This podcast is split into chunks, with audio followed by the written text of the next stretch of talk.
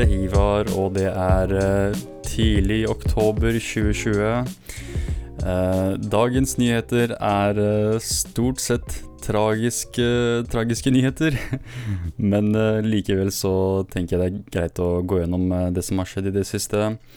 For det er en del viktige endringer i både valget i USA som vi bør se litt mer inn på, nå som det har vært debatt, og vi nærmer oss nærmer oss valgdagen. Nå er det bare snakk om et par uker igjen til uh, vi får se om det blir fire år til med Trump, eller om det blir uh, en eh, Biden-administrasjon. Og det er en grunn til at jeg ikke sier fire år med Biden, fordi det er veldig usikkert på om Biden i det hele tatt vil sitte i de fire årene han, uh, han prøver å vinne.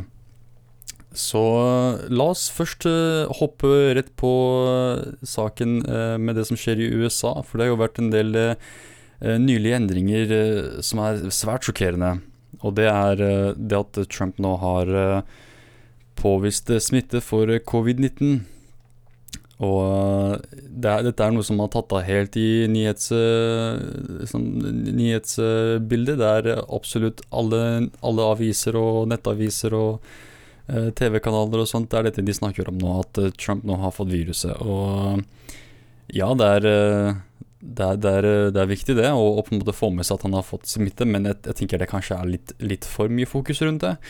Eh, men på samme side så er det jo utrolig viktig å på en måte holde øye med på situasjonen. Fordi hvis, hvis Trump nå blir veldig syk, da, hvis han blir veldig, veldig syk, så kan det ha veldig negative konsekvenser for valget. Eh, noen tenker kan man, ikke, kan man ikke drøye valget, siden det er jo Nå er det snakk om eh, litt over en måned til eh, valgdagen.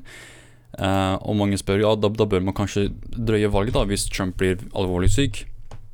Men greia er at det har jo ikke blitt gjort før på den måten her, så det, det blir, veldig, blir veldig uvanlig. Men igjen så er jo Trumps eh, presidentskap noe som har vært eh, høyst uvanlig. Det er, ikke, det er jo mye som har skjedd under hans, eh, hans administrasjon som har vært veldig uvanlig og aldri gjort før. Så det hadde ikke vært altfor sjokkerende om, om eh, Senatet og, og Kongressen og alt det der eh, stemte for å endre for, for å drøye valgdagen, da. Men jeg tviler på det. Jeg, jeg, jeg tror nok demokraten hadde blokkert en slags en, en slik eh, eh, Ja, et slikt forslag, da. Men eh, ja, det, det, det kommer vel an på hvor um, hvor sterke demokratene er da, til å kjempe, til, kjempe imot eh, republikanerne hvis dette forslaget først dukker opp. Men det er, veldig, det er sannsynlig for at det, det er et forslag som blir trukket fram hvis igjen, hvis Trump blir alvorlig syk. Eh, og greia er at eh, disse valgsedlene har jo blitt printa, det er mange som allerede har forhåndsstemt. Det er, eh, det er, altså, det er, for, det er litt for seint nå da, for republikanerne eller demokratene å på en måte bytte kandidat. Så videre fremover, da, hvis, hvis Trump blir på en måte Hvis han vinner valget, da, og likevel viser seg å være alvorlig syk, og dermed ikke kan ikke kan være president, da, så blir det nok eh, Mike Pence som tar over, som, han som er visepresidenten til Trump. Eh, da kommer nok han til å ta over. Og eh, det er jo på en måte Det er jo ikke så forskjellig fra Bidens situasjon. Biden har jo Målet hans er jo først og fremst å fjerne Trump fra, fra regjering. Eh, og jeg tror ikke han bryr seg til så stor grad eh, om, eh, om hvem som kommer etter han, så lenge det ikke er på en måte Trump, da. Det, er, det, det ser ut til at det er det som er hovedfokuset hans. Og akkurat nå så har, han jo valgt eh, Kamala Harris som sin visepresidentkandidat, og det, det, det tyder veldig sterkt på at det er dette som er planen hans, er å liksom på en måte få Det hvite hus, kanskje regjere i et par år, men, men eh, kort tid etter det på en måte trekke seg tilbake og, og la Kamala Harris ta over. Eh, Det hadde ikke vært overraskende, men eh, det er jo akkurat dette republikanerne selv vil. Altså med, med Trumps situasjon. Da. De vil at eh, Trump vinner, men at Trump trekker seg og lar Mike Pence styre. Fordi de, er vel, de, de foretrekker Mike Pence overfor Trump. Trump er jo en, på en måte en, en wildcard. Man vet aldri hva han skal si eller hva han skal gjøre. Uh, han, han er stort sett uh, lojal til partiet, det er han absolutt, men igjen så er det veldig usikkert, og han eh, han er, en, han, er, han er på en måte en løs kanon til en altfor stor grad, og det er ikke veldig um, det er ikke veldig bra for partiets stabilitet. Eh, det blir veldig mye intern konflikt innenfor partiet, og det kan føre til bare mer, eh, mer destabilisering for partiet og, og, gjøre partiet svakere, fremfor å være et forent, forent parti med, med, tydelige og eh, sterke verdier. eh, så situasjonen til Trump, da, det, det er jo jeg, jeg, forstår at veldig mange kanskje nå tenker Vet du hva, Trump fortjener smitten. Han, han har på en måte vært med på å eh, på å, å, drive en slags eh, mis, eh, det, feilinformeringskampanje når det kommer til eh, covid. Han har jo eh, bl.a. foreslått at folk skal eh, bruke rengjøringsmidler for å, for å fjerne viruset. Han, han, påstår at det var sarkastisk ment, og at han ikke mente det sånn bokstavelig talt. Men du må jo huske også at mange av velgerne hans er jo ikke akkurat de smarteste folka, så du kan forstå at veldig mange kanskje tok det på alvor. Eh, eller jeg vil ikke si at mange av velgerne hans er uintelligente, det er nok mer det at de er veldig sårbare for konspirasjonsteorier.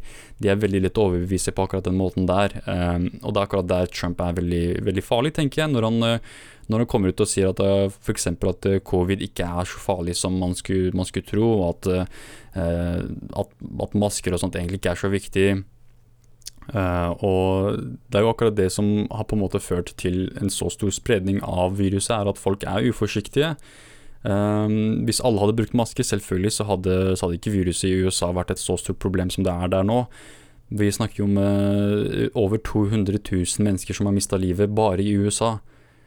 Og det er jo på en måte Det er på, på samme nivå som Brasil og India. Um, og også der, i Brasil, så har man jo også en leder, Bolsonaro, som også har spredt feilinformasjon og, og skepsisme overfor covid-seriøsitet. Så det er ikke overraskende at uh, man har de dødstallene man ser i USA og Brasil og India og de, disse statene her. Um, men uh, ja, igjen, så jeg, jeg, vet altså ikke Igjen, jeg, jeg, forstår at folk er veldig sinte på Trump for hans uh, bidrag til spredningen av viruset gjennom å Ved å på en måte skape skepsisme rundt, rundt dens eksistens i det hele tatt, og, og hvor farlig det er. Um, men igjen så er det snakk om en sykdom som vi, som vi som faktisk tror på sykdommen, og tror at det er uh, Eller tror på viruset og tror at det er, uh, det, det er så farlig som man skulle ha det til å tro, da, så, så, er det jo så er det ikke gode nyheter. Det, man skal ikke feire at noen er blitt syke, det skal man aldri gjøre. Selv om det er en såpass motbydelig person som Donald Trump som har på en måte gjort så mye fælt. Så skal man fortsatt huske på at dette er til syvende og sist så er dette et, et menneske, og han har familie, han har, han har barn, han har barnebarn, og man skal på en måte ikke eh, sitte og fnise og le av at ha-ha-ha, han, han, uh, han har fått viruset. For det er jo viktig. Hvis, hvis, hvis, han på en måte blir alvorlig syk, så, det, så, kan det ha alvorlige konsekvenser for politikken og valget videre også. Og det kan påvirke alt annet i verden også. Um, uh, skal vi se her uh, Altså, det, dette, dette hendte nå på fredag. Han skal ha merket uh, litt sykdom da, og siden nå inntil helgen så har han på en måte så har situasjonen forverret seg. Det, det begynte med at han, uh, han, hadde testet positivt, han og Melania Trump. Um, og så skal uh, han nylig ha blitt uh, lagt inn på militærsykehuset for observasjon de neste dagene, skriver NRK. Så det, det, ser ut til at situasjonen har forverret seg for Trump. Og um, ifølge noen fra Det hvite hus så er det slik at ja, han, han, har det vanskelig og han er syk og sånt, men han, fortsatt, uh, han har fortsatt viljen sin der og han har fortsatt uh, tro på at han kommer til å bli frisk. At han ikke, ikke har det så ille. Han er bare litt sliten. Men uh, så har du andre kilder som sier at han har slitt med å puste, og at han har det veldig veldig vanskelig. Så er, man skal være forsiktig med hvilke kilder man stoler helt på. Men at det er seriøst, er det ikke noe tvil om. Um, skal vi se her. Før han testet positiv, deltok presidenten på en rekke arrangementer, skriver NRK. Blant annet uh, tirsdagens presidentdebatt. Totalt skal han ha besøkt tre amerikanske delstater i tiden før han fikk påvist viruset. Og dette er noe som er også veldig farlig, er Trumps uh, uh, Alle disse, disse, politiske møtene han holder, hvor det er hvor, hvor, han på en måte igjen sprer denne skepsismen, og folket som er der, det er jo det er jo ikke veldig trygt. Så det at han på en måte selv etter å ha på en måte blitt smitta, er med på å, å, reise rundt i de forskjellige delstater. Det er ikke veldig smart. Men igjen så visste han ikke det på den tiden her. Men øh, fortsatt, selve konseptet om å holde politiske møter, disse store politiske møtene under disse tidene her, er veldig uansvarlig. Absolutt. Um, de skriver videre. Nå har flere av hans støttespillere meldt om uh, positive prøvesvar. Så det er ikke bare Trump som har uh, påvist smitte her, det er veldig mange av hans, uh, hans rådgivere, det er et par senatorer, og selve valgkampsjefen til Trump har også nå testet positivt for viruset. Noe som tyder på en at det kommer til å bli en veldig vanskelig kampanje de siste månedene her for Trump. Noe som uh, forverrer situasjonen for kampanjen hans, fordi de sliter allerede med, med å ta igjen Biden i meningsmålingene.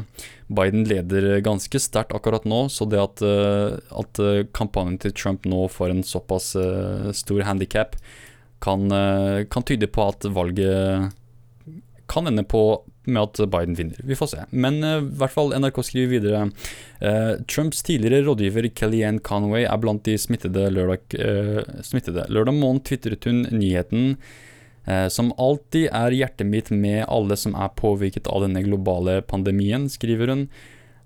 og hun er ifølge CNN den sjette som deltok på arrangementet hvor Trump annonserte sitt valg av høyesterettsdommer, som har testet positivt for koronaviruset.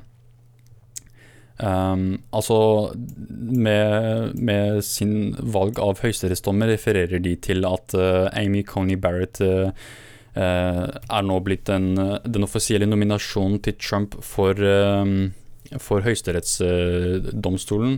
stillingen som nå blir erstattet av Ruth Peter Ginsburg, som nylig mistet livet til kreft. og greia er at måten de har skrevet det på her, tyder på at Amy Coney Barrett også har fått eh, korona, men det har hun ikke. I hvert fall ikke nå. Nå nylig så hadde hun testet seg selv, og det, det viser seg at hun testet negativt. Um, så hun er, ikke, hun er altså ikke smittet, men mange av de som var på det arrangementet for å, for å, for å offentliggjøre og, eller annonsere det valget at hun er eh, kandidaten, mange av de har blitt syke. Uh, så har du også Mike Lee, en senator som også er blitt, uh, som er blitt syk. Um, og valgkampsjefen, uh, men ikke uh, vent, vent, valgkampsjefen Bill Steipen, Steipen men ikke Betzy DeVos eller vice president Mike Pence og kona hans. De er ikke blitt uh, eh, smitta av sykdommen. Så igjen dette her med at uh, hvis Mike Pence erstatter Trump, nå ser det ut til å være veldig sannsynlig fordi Pence ser ut til å være mer forsiktig enn Trump for nå. Uh, men uh, ja, det, det, egentlig akkurat nå så er situasjonen uh, Ja, det, dette er jo en, en, nylig endring, så vi får vente og se hvordan Trump Hvordan situasjonen hans utvikler seg. vi må huske at Trump lever en veldig usunn livsstil, kan man si det. Han, han spiser ikke særlig sunt. han er veldig gammel, han er jo 74 år, og Han er jo veldig, veldig Jeg vil ikke kalle han, jeg vil ikke kalle han uh, altfor sårbar. Han sier jo at han har den beste helsa, at ingen, er, ingen har vært så friske som han i hele, hele, verden. At han er den friskeste person og sprekeste person ever. Men vi må igjen huske på at han er en gammel mann, og at han, han er overvektig, og han, han lever en uh, veldig usunn livsstil. Så det kan være et problem for han, men uh, vi, hoppe, vi, må bare håpe på det beste. Altså. Det det, ingen har godt av og på en måte ja, være glad for at Trump har, har blitt syk. Um, igjen, hvis du mener det, det går helt fint, jeg forstår det godt. Og jeg forstår at veldig mange på venstresiden nå spesielt er veldig irriterte over at andre folk på venstresiden uh, mener at man skal være sympatisk, og man, man, skal på en måte ønske han det beste og håpe at han, uh, at han eh, blir frisk så fort som mulig, fordi de mener at eh, men herregud, han er jo så fæl. Ja, det, det er han. Det er veldig mange folk som er fæle, men det, igjen, det, det, er snakk om et virus og en sykdom, så man skal på en måte Man skal ikke glede seg over det, da. Det tenker jeg er feil. Eh, men la oss snakke litt om eh, denne høyesterettsdommeren til Donald Trump her. La meg bare ta en kort pause, så kommer jeg tilbake for å snakke om denne Amy Coney Barrett som har blitt valgt inn tenker å kanskje bare fort, fort forklare hvordan dette, dette høyesterettsdomstolssystemet fungerer, og hvorfor det er så viktig med å, med å på en måte velge ut en nominasjon da, som Trump nå har gjort. Eh, så jeg kommer straks tilbake etter denne korte pausen her.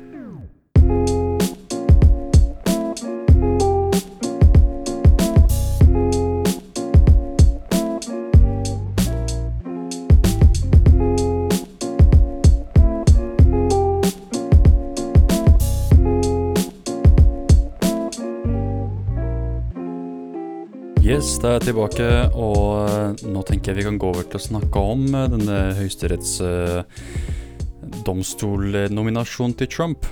Så greia er at uh, Ruth Bader Ginsburg, som var den tidligere høyesterettsdommeren, mistet livet i en alder av 87 til kreft. Og når det kommer til høyesterettsdomstolene, så er det slik at det er ni stillinger som skal fylles. Og det er presidenten, den, den, nåværende presidenten, eller den sittende presidenten i enhver periode, som velger ut en nominasjon som skal uh, bli på en måte uh, stemt på av Senatet. Og den, den, avgjørelsen skal på en måte avgjøre om det er uh, Om kandidaten skal bli høyesterettsdommer eller ikke. Så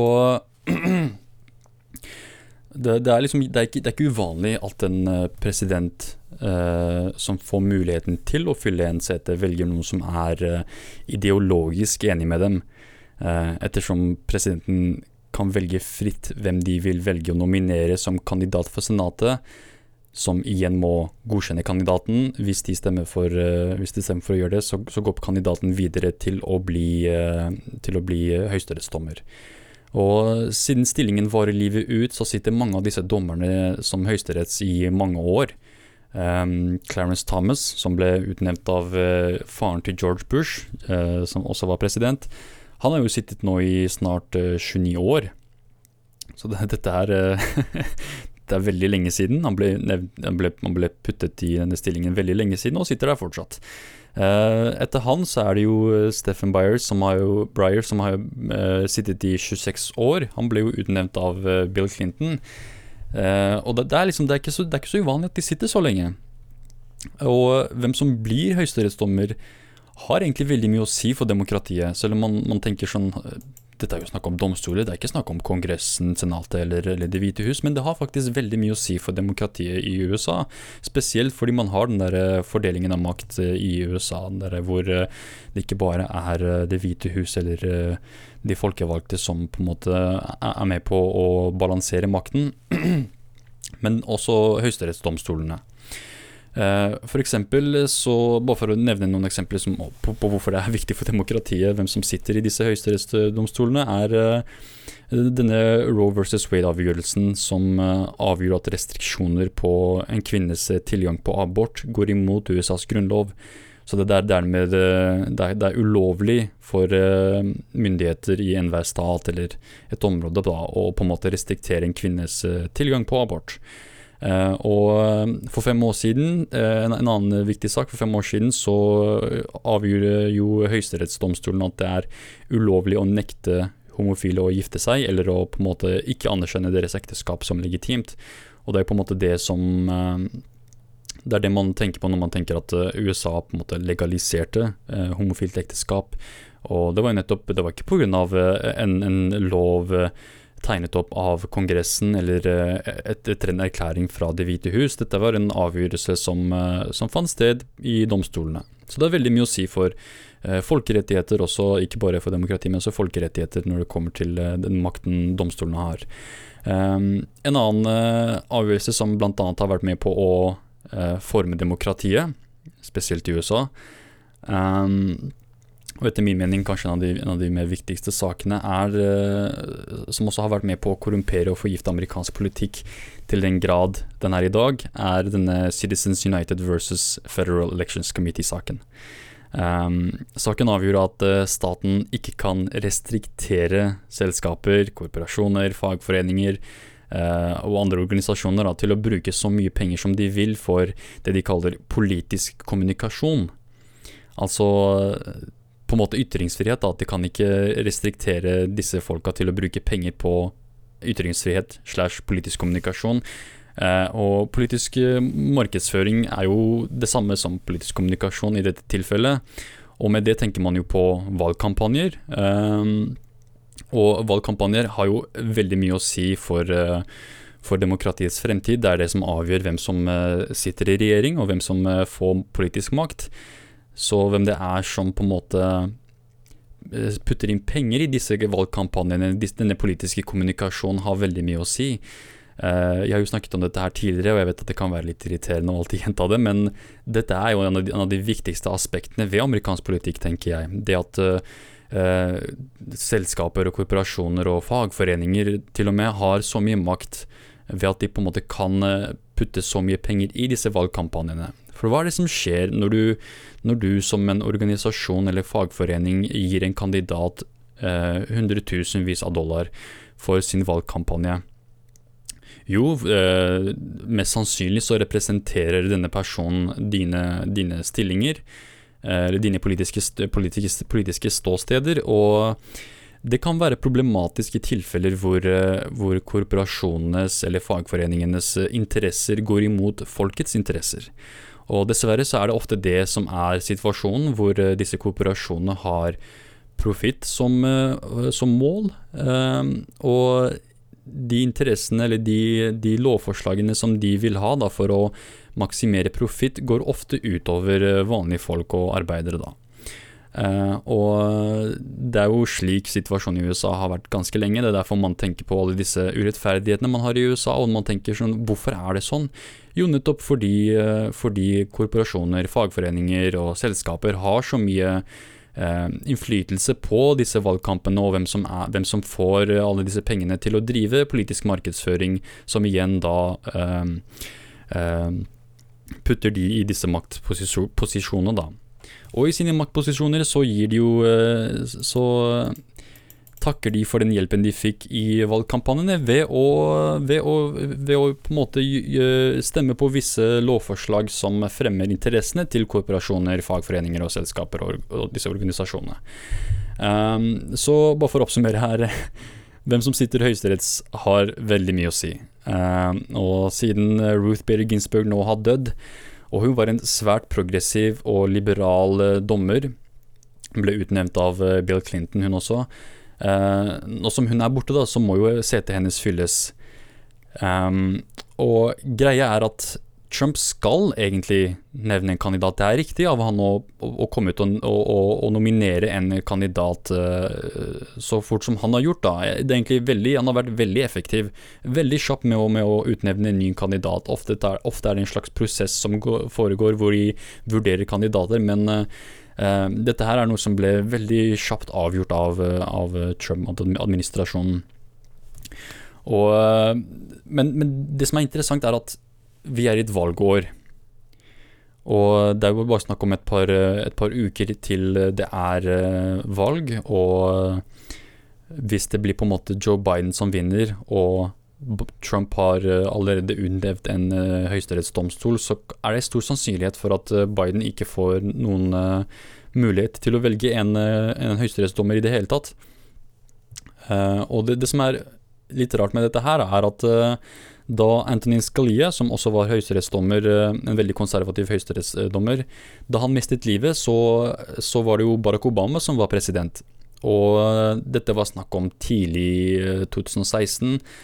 Eh, så foreslo jo Barack Obama Merrick Garland som kandidat for høyesterettsdomstolen. Og meningen var at senatet da skulle gå gjennom prosedyren og godkjenne han, men republikanerne i senatet kom på en ny regel og Regelen gikk ut på at uh, hvis presidenten er i sitt siste år, eller at uh, hvis det er valgår, så er det ikke lov å velge høyesterettsdommer. Altså fordi, fordi, siden det er valgår, og siden det er stor sannsynlighet for at presidenten ikke vil sitte de neste fire årene også, så er det urettferdig overfor den kandidaten som kanskje vinner, da, at at, eh, at, eh, den sittende presidenten da, altså Barack Obama, skulle velge en kandidat som eh, den neste president kanskje ikke ville ha valgt selv. Um, det er jo, dette er jo selvfølgelig en idiotisk regel. Det er, det, er ikke, det er, ikke, skrevet noe sted at det er slik situasjonen skal være. Men republikanerne var veldig flinke til å blokkere, blokkere Barack Obamas nominasjon. Og demokratene gjorde ikke særlig mye for å, for å på en måte eh, tvinge kandidaten, tvinge sin nominasjon gjennom da. Eh, så poenget var at uh, hvis republikanerne vant i 2016, så kunne republikanerne da velge sin egen høyesterettsdommer, og uh, dermed få mer makt i høyesterettsdomstolene også. Og selvfølgelig så vant jo Trump, og da valgte han inn Neil Gorsuch. Um, og det, med det fikk ikke Trump fikk ikke noe motstand fra demokratene i det hele tatt. Sånn, han hadde jo allerede vunnet. Og det var ikke et eneste pip fra demokratene når uh, Gorsuch bli valgt. Det var faktisk uh, stort sett enighet mellom demokratene og republikanerne om å, om å, stemme på Gorsuch og få han inn i uh, høyesterettsdomstolene. Uh, og to år senere så var det en annen høyesterettsdommer som pensjonerte seg. Så du må ikke nødvendigvis bare dø for å, for å bli ferdig som høyesterettsdommer. Du kan trekke deg, du kan pensjonere deg, du kan uh, også bli stilt for riksrett og fjernet uh, med makt. Uh, eller så mister du livet. Men Anthony Kennedy han pensjonerte seg og ble da erstattet av Brett Kavanaugh, som var en særlig kontroversiell kandidat. Det var jo anklagelse for voldtekt når han gikk på universitetet. Og det ble jo en stor medieskandale rundt det. Og selve Når Senatet skulle stemme på Brett Kavanaugh, så var det liksom nesten Det var så vidt at han eh, ble valgt inn. Så han var en veldig kontroversiell karakter. Eh, og til tross for det, så ble han jo likevel dommer. Så nå er vi i 2020, og det er igjen det er valgår. Ruth Bader Ginsburg har mistet livet og må erstattes. Og basert på republikanernes regel fra 2016, så kan ikke presidenten velge en høyesterettsdommer hvis det er valgår, fordi da blir det jo igjen urettferdig for neste president. Men er dette en eh, sånn så Problemet her er at skal republikanerne være prinsipielle, skal de eh, følge sine egne regler og nekte Trump å utnevne en dommer, eller vil de la Trump velge en ny dommer og dermed gå imot sin egen regel? Um, Fordi nå, nå, sier jo Trump at han ikke stoler på valgresultatene. Han sa det også i debatten uh, at, han, at, han, ikke stoler på valgresultatene uh, for et valg som ikke For et valg som ikke har blitt holdt ennå. Han, han driver allerede og påpeker skepsisme rundt valget. Og meningsmålingene peker igjen mot at uh, Joe Biden vil vinne valget. Og disse resultatene er jo de er jo langt sterkere enn det man skulle forvente av en person som Biden. Ifølge Real Clear Politics så er det jo snakk om eh, 67 eh, eh, til fordel for eh, Joe Biden, da. Og Trump er jo ikke blind, han ser jo disse tallene, og han vil jo på en måte gjøre noe med det for å undergrave legitimiteten, eh, legitimiteten til disse valgresultatene. Og da vil det på en måte bli opp til Høyesterettsdomstolen å avgjøre valget hvis det, blir, hvis det, skal bli noe problem, da. Så derfor tenker Trump, eller det er dette han bruker som argumentasjon for å for å få inn en høyesterettsdommer før valgdagen, for å ikke bare sikre en konservativ majoritet i domstolene, men også for å eh, sikre seg selv fire nye år eh, i Det hvite hus i tilfelle ting går galt, da. Så er liksom på en måte argumentasjonen hans her. Og um, republikanerne er jo selvfølgelig de er helt for dette her. De vil få inn Amy Connie Barrett så fort som mulig. Mange av disse folka de, de har tydeligvis glemt det prinsippet de, de, kom på med, eller den nye regelen de kom på. Uh, og demokratene driver og sytter og klager, men jeg tviler på at de kommer til å gjøre noe med det i det hele tatt. Det har ikke vært noe tegn på at uh, Amy Schumer eller Nancy Pelosi har kommet ut og sagt at de skal på en måte blokkere Amy Coney Barrett som høyesterettsdommer. Eh, veldig lite som tyder på det, selv om de egentlig kan gjøre det. fordi det er jo snakk om eh, når, når, det var eh, motsatt situasjon, når Barack Obama skulle velge inn eh, Merrick Garland, så var det jo slik at det, eh, republikanerne blokkerte nominasjonen eh, i en periode over flere måneder. Flere måneder. Mens Amy Coney Barretts nominasjon ble jo sånn, nå nylig uh, annonsert, da. Uh, og det er snakk om én måned igjen til valget, så demokratene kan gjennom en, en rekke prosesser de kan drøye nominasjonen og vente til eh, Altså vente til å se om det blir fire, nye, fire nye år med Trump, eller om det blir Joe Biden. Eh, men kommer de til å gjøre det? Igjen, jeg er veldig usikker på det. Så Trump har jo valgt Amy Coney Barrett som høyesterettsdommer, og jeg, jeg, jeg, tviler på at igjen, jeg tviler på at demokratene kommer til å gjøre noe med det. Og det er litt trist, fordi hun er jo en veldig konservativ eh, person. Hun er jo blitt uh, beskrevet som uh, av Reuters. De beskriver henne som en favoritt blant religiøse konservative. Og det tyder ikke veldig godt på et land som USA, som visstnok skal være sekulært politisk. Uh, at da man har en religiøs, uh, sterk religiøs konservativ høyesterettsdomstol som skal ta avgjørelser uh, i, i, en stat hvor egentlig religion ikke skal ha så mye å si for, uh, for politikken, nettopp fordi det er såpass uh, mangfoldig land. Det er, bare, det er, bare, uh, det er jo ikke bare kristne folk som bor i USA. Det er jøder, det er muslimer, det er hindus, det er en, en, rekke forskjellige folk. Og det fins folk som ikke er religiøse, det fins folk som ja, har en rekke forskjellige religioner, da, så det blir veldig, på en måte veldig rart å velge kun kristne, konservative folk, som på en måte er med på å regjere over hvilke rettigheter og, og, og ja, hvilke rettigheter folk skal ha, da. Men uh, med tanke på demokratene og deres blokkering av en slik kandidat, vi får egentlig bare vente og se om de velger å gjøre noe med, noe med det i det hele tatt. Men uh, litt om denne Amy Comey Amy Coney Barrett uh, person, uh, Personen? Så Barrett er jo en, som sagt en konservativ dommer. når man tenker på hvilke saker som er veldig viktige for borgerrettigheten i USA, så tenker man bl.a. på abortrettigheter. Og ifølge New York Times her, så har hun en veldig konservativ person her også, hvor hun i sin eh, hjemmestat, hjemmedelstat Indiana har eh, bidratt Eller på en måte vurdert en del saker som eh, er med på å restriktere tilgang til abort for kvinner. da. Og igjen, det går jo imot eh, Roe versus Wade. De må nekte, nekte, for, nekte myndigheter å, å, restriktere, eller nekte folk da, å restriktere en kvinnes rett til abort. Men det betyr dermed ikke at uh, man kan implementere nye lover, eller man kan ta nye avgjørelser som litt etter litt uh, fjerner, litt, fjerner, den der uh, legitimiteten til Roe versus Wade ved å gjøre det lettere for visse, visse, folk da å restriktere kvinners rett til abort. Det er jo allerede veldig mye sånt som foregår, hvor det er vanskeligere for kvinner å, i visse spesielt sørlige delstater å få tilgang til abort. Eh, ofte så må mange av disse folka reise til en annen delstat og likevel bli nekta. Så det er, det er, allerede vanskelig, og det kan bli litt vanskeligere også hvis, eh, når det kommer til abort, hvis det blir en konservativ majoritet i, i uh, høyesterettsdomstolene her.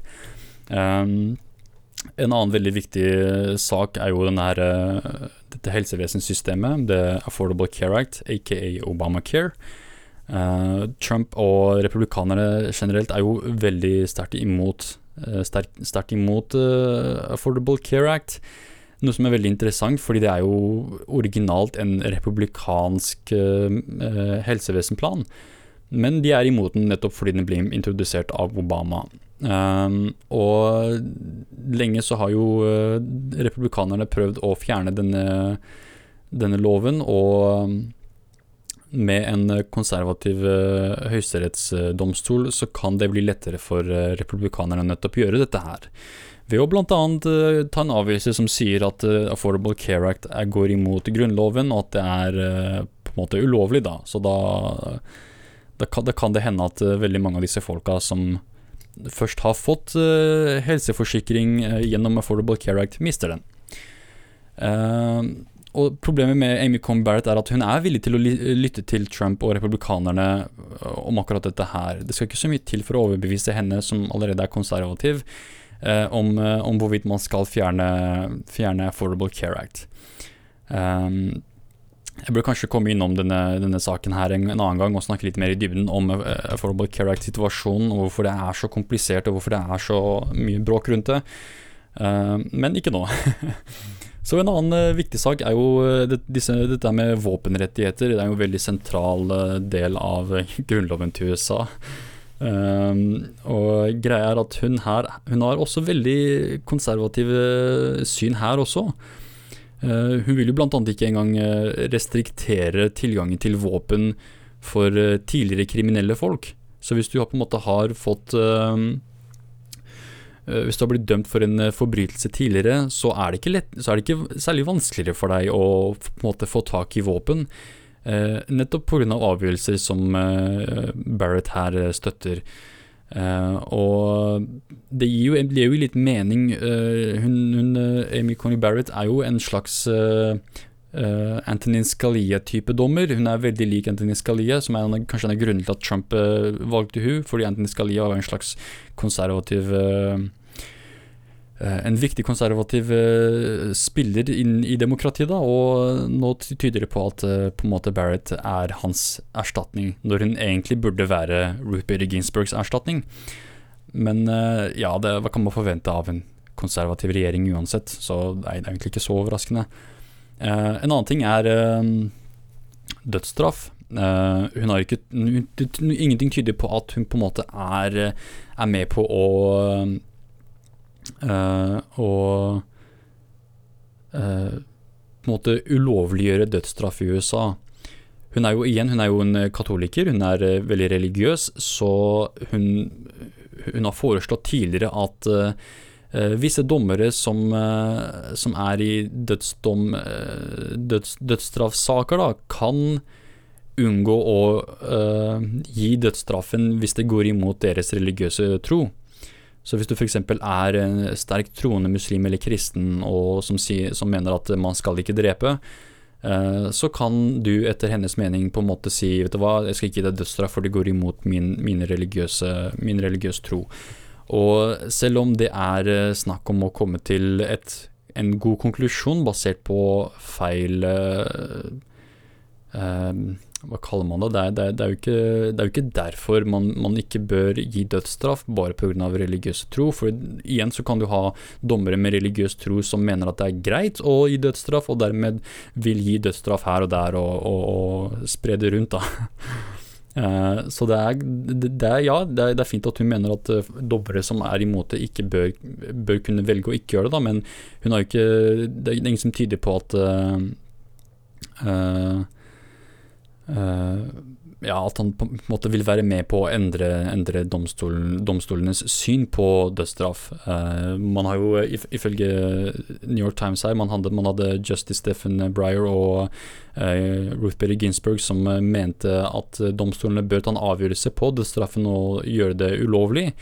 Um, eller, ikke, eller, bare vurdere det, da, om det, er, eh, om det, er, om det går imot uh, Grunnloven eller ikke å ha dødsstraff, men uh, det blir ikke noe av det. Så kanskje med Justice Barrett som egentlig ikke er imot det, men har disse religiøse synene da, som går imot tanken om å drepe, så kan det kanskje, kanskje gjøre, gjøre, gjøre det mer sannsynlig at en dag så vil uh, høyesterettsdomstolene erklærer at dødsstraff eh, er imot Grunnloven. Um, men vi får se. Uh, men uh, igjen, annet enn det, så er det egentlig ikke så mye viktig om uh, Emmy Coney Barrett sin, sin, sin, ideologi. Da. Det, det, det jeg syns er veldig synd, er at veldig mange demokrater spesielt på en måte prøver å angripe hennes personlighet. Eh, det er på den måten de prøver å gjøre henne til en ulegitim eh, kandidat ved å på en måte angripe hennes identitet, men det er veldig vanskelig siden eh, hun er jo ikke en fæl person, er, hun er bare en religiøs, konservativ person med sterke syn, og kanskje syn som ikke er veldig progressive og liberale, men hun, jo, hun skal jo ha rett på de, på de, syn, de politiske synene, hun også. Eh, så det er veldig synd at, eh, mener jeg da, at demokratene ikke fokuserer seg mer på hennes tidligere arbeid da, enn å fokusere seg på å, hvor bor hun, hva slags uh, mat spiser hun, hvem er familien hennes, hva gjorde hun på universitetet, sånne ting. Det er, sånn, det er helt unødvendig. Um, og hvis, eh, hvis, hun går videre til å bli stilt foran Senatet, så er jeg veldig nysgjerrig på hvordan demokratene reagerer. og Eh, om, om hvorvidt de er rettferdige. Eh, eller om de våger i det hele tatt å blokkere henne som kandidat. Men eh, det, vi, får se. Igjen, vi får se. Og jeg er veldig skeptisk til at demokratene vil gjøre noe imot hennes nominasjon. La meg ta en kort pause til her, så kommer jeg tilbake for å snakke litt om debatten som nå nylig var mellom Joe Biden og Trump. Jeg tenker å gå gjennom en video laget av Time Magazine som har noen highlights av, debatten, highlights av debatten, hvor jeg tenker vi kan gå gjennom den og på en måte kommentere litt av det de snakker om her. Så kort pause, så kommer jeg straks tilbake.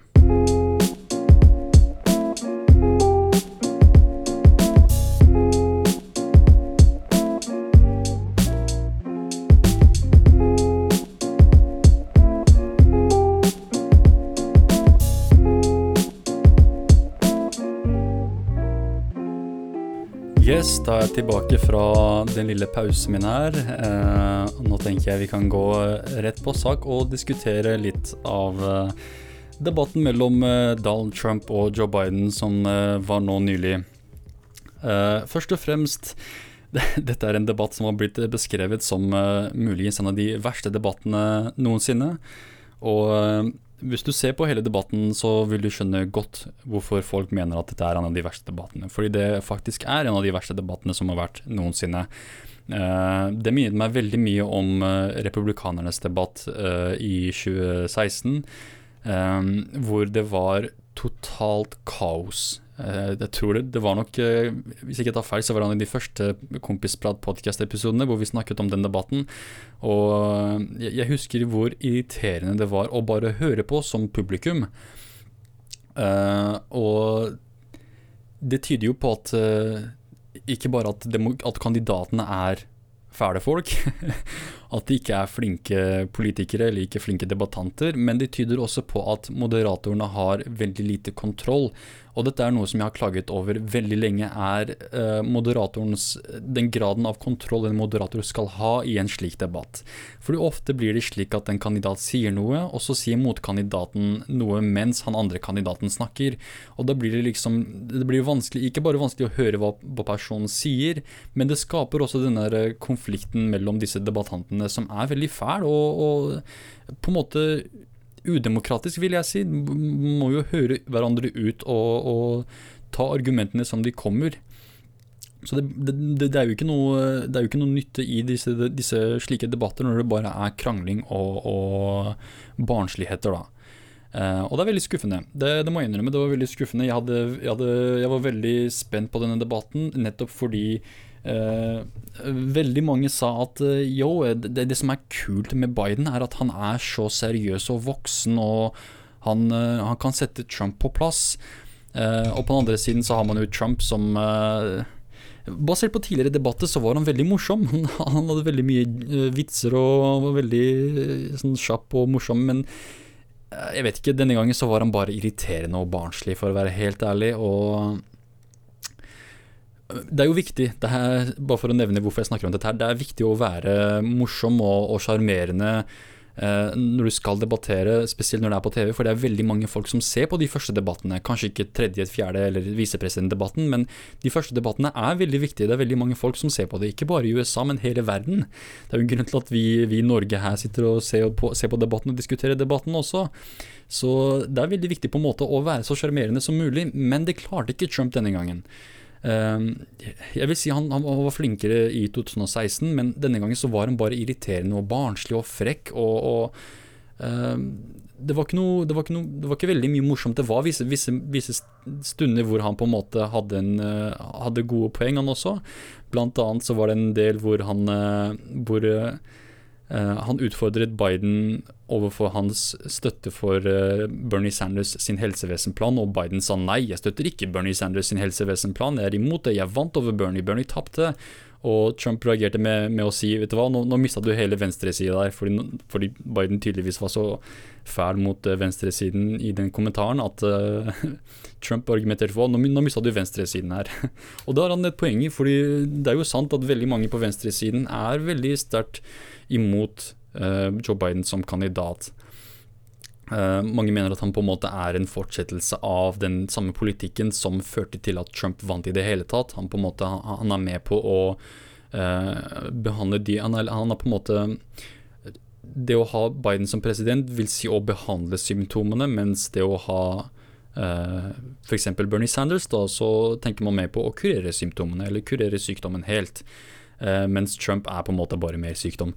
Um, så det er, ikke noe, det er ikke så veldig mye optimisme i, i Bidens presidentskap. Men igjen, jeg er uenig i dette her. Jeg mener at uh, for det første Biden over Trump, selvfølgelig. Um, absolutt. Det er ikke bare fordi Biden er en bedre person generelt, men også fordi når det kommer til utenrikspolitikk, så er Joe Biden mer kompetent enn Donald Trump. Og det er, det er jo der den viktigste rollen til presidenten i USA, etter min mening, er, er utenrikspolitikken. Uh, en, av, de grunnene jeg alltid har på en måte hatt en soft spot for Biden, men samtidig så er jeg egentlig veldig kritisk til han også, for jeg må jo være ærlig. Men en av de tingene jeg alltid likte med Biden, er at han er, en av de som tidlig i, under Irak-krigen, som han støttet, mente at man skulle dele Irak i tre, mellom eh, Shia, Sunni og kurdere. Og dette er jo noe jeg selv støtter 100 og, og har frustrert meg over uh, ganske lenge over hvorfor det ikke har skjedd. For det burde ha skjedd for lenge siden. Og Joe Biden var jo en av de som tidlig kom ut og eh, støttet denne saken. Støttet denne ideen om å dele Irak i tre. Men det som er litt irriterende igjen, er at han var jo visepresident i åtte år. Og, var på en måte en av Obamas rådgivere, så det var litt rart at han ikke, ikke fikk endret Obamas, Obamas syn på situasjonen i Irak. Uh, men igjen, det, det, vil dermed ikke si at uh, Biden ikke er uh, veldig kompetent og, og forståelsesfull og, og, har mye kunnskap om utenrikspolitikk. Jeg tror absolutt at han har det, um, mer så enn Trump. spesielt for, for, I forhold til kurdere, da. um, Noen spurte han eh, hva syns du om eh, Quds-styrkene. Quds-styrkene er iranske styrker. Han ba å, jeg syns vi har behandlet de veldig dårlig, de har vært veldig lojale mot oss, veldig snille mot oss, vi bør være snillere med de. Han trodde Quds var kurdere, så han eh, Han misforsto helt. Så det, det, er liksom no, Hvis Biden hadde gjort den feilen, da, så hadde folk kommet ut, og, kommet ut og sagt Se, Biden er dement, han, han, vet ikke hva han snakker om, han tror kurdere og Quds er det samme. Uh, og det vil jeg ikke tro at uh, Biden noen gang hadde eh, sagt. Jeg tror ikke han hadde reagert på den måten der. Men Trump reagerte på den måten der, ikke fordi han er dement eller har uh, mentale lidelser, men fordi han er en idiot som ikke forstår seg på situasjonen i Midtøsten i det hele tatt. Um, strategien han for, mot IS da var jo bombe driten ut av dem. Um, og jeg vet Noen tenker ja, men det funka jo. Det, det, gjorde ikke det. Det var ikke bombingen, bombingen som, tok, eh, som fikk slutt på IS, det var bakkestyrkene. Det var den, eh, de, de, de tusenvis av uh, militære operasjoner og oppdrag som uh, ble ført av uh, bakkestyrkene, bl.a. kurdere, PKK, YPG, uh, irakiske styrker, persiske styrker, koalisjonsstyrker. Alle disse folka. Det var, det var, et samarbeid som endte IS. Det var ikke bare sånn USAs bombing. Um, men uh, nå, nå, snakker jeg noe helt annet her. La oss komme, til, komme, oss tilbake til temaet her, debatten mellom uh, Biden og Trump. Uh, beklager for den Beklager for det der. Så la oss se på denne, denne, samlingen her laget av Time Magazine om presidentdebatten som nå nylig var mellom, mellom Joe Biden og Donald Trump 24. i 7. Nei, det var ikke 24.7. Hva er det jeg snakker om her? Det var jo nå nylig uh, forrige uke. Beklager, det var jo sept var september? Ja, det var i september. Skal vi se her. Eh, det var Chris Wallace som var eh, moderatoren, og jeg skal være ærlig om at jeg har en, på en måte en saftspott for Chris Wallace også. Jeg syns han er en veldig flink journalist. Jeg tror han er en av de mer, mer Uh, intellektuelt ærlige, kan man si det på norsk, intellektuelt ærlige moderatorene i, uh, i, USA. da, Selv om han lenge jobbet for Fox News, som er en veldig konservativ og kontroversiell uh, nyhetskanal, så mener jeg at Chris Wallace ofte har vært en veldig etisk journalist og en ærlig journalist. så jeg vil ikke kritisere han altfor mye, jeg vil heller kritisere plattformen, denne debattplattformen i, seg selv. Jeg mener at det er feil måte å på en måte få frem politiske meningene til disse kandidatene. Det er ikke slik man lærer mest mulig om hvilke politiske ståsteder de har, og hva forskjellene mellom de er. Ehm, det blir ofte denne krangelen nettopp fordi denne plattformen er designet for å være sånn. Ehm, det er en veldig gammeldags eh, type metode, men eh, det er en type tradisjon med så en, eh, en noe lærerikt, da vil jeg si. Ehm, Og det kan føre til mange av de situasjonene som vi nå kommer til å se på. Så la oss se hva det er Time Magazine mener er highlights av debatten. Are you willing tonight to condemn white supremacists and militia groups sure. and to say that they need to stand down and not add to the violence in a number of these cities, as we saw in Kenosha and as we've seen in Portland. Sure, Are you I'm prepared to, to specifically that, do it? Well, I go would ahead, say sir. I would say almost everything I see is from the left wing, not from the right wing. So what are you what are you, you look, what are you saying? I'm, I'm, willing to do anything. I want to see well, peace. Then do it, sir. Say it. Do it. Say it. Do you want to call them? What do you want to call them? Give me a name. Give me a white name. Supremacists and Who would you like me to condemn? White Proud supremacists and right Proud militia. boys. Stand back and stand by. But I'll tell you what. I'll tell you what. Somebody's got to do something about Antifa and the left because this is not a right wing problem. His this is a left wing. This is a left wing problem. Ja, så greier at uh, uh, Biden har rett her. Uh, selv Trumps egen FBI-direktør mener at den største trusselen kommer jo ikke fra Antifa eller radikal islamisme, som veldig mange påpeker, men fra uh, høyreekstremister, fra, fra, disse rasistene. Uh, skal vi se her uh, Det er no, en, en, artikkel skrevet av Center for Strategies and International Studies. Uh, og, og, de skriver at den største trusselen kommer mest sannsynlig fra hvite, hvite rasister. Og også til en grad anarkister og religiøse ekstremister, men først og fremst uh, den største trusselen kommer jo selvfølgelig fra disse uh, høyreradikale ekstremistene. Uh, og Trump nekter jo på en måte å, å, tydeliggjøre det. Han ble jo direkte spurt her om å, om å fordømme, fordømme, disse rasistene, men han, han, vet jo ikke selv hva, si. han, hva han skal si. Han sier jo hva vil jeg skal kalle dem Sånn, kall de det de er, eh, terrorister. Du kaller jo Antifa-terrorister eh, med en gang, og Antifa er ikke engang en, en organisasjon, det er mer en slags bevegelse, en, en type idé. Det, det, er ikke slik at an, an, Eller, jeg vet ikke eh, Det er jo ikke en organisasjon, på en måte.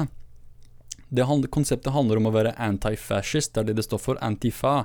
Anti-fascist. Ikke det, det, er ikke en slags organisasjon med en leder og, og eh, sånn eh, forskjellige styreledere, styremedlemmer og alt det der. Det, det, er bare en slags type ideologi, eller en, en type bevegelse, da.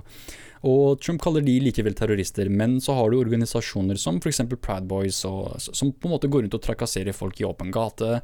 Eh, så har du disse, disse rasistene som eh, gikk rundt eh, og, og, klaget på jøder og, og de som gikk ut med disse fakkerne, disse faklene, disse nynazistene. Uh, de har ikke Trump uh, fordømt særlig. Og det er akkurat det han blir spurt om her, om hvorfor han ikke fordømmer de. For det er jo de, er jo de som uh, på en måte representerer den største trusselen når det kommer til terrorisme. Spesielt terrorisme innenfor USA, eller innenfor landets grenser. da. Og han klarer det ikke. Han klarer ikke å på en måte fordømme de, fordi mange av disse folka stemmer jo på han.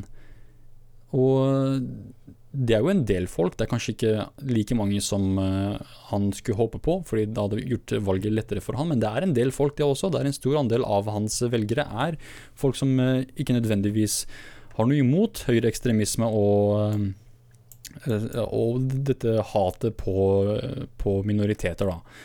Men la oss se hva det er de snakker om. The question left. Will you shut up, man? Listen, who is on your list, Joe? This Who's is on your so list? Gentlemen, I think we've ended so this. unprecedented. Ok, det er så Nå Jeg forstår godt hva, hva, hvorfor Biden reagerte på den måten her.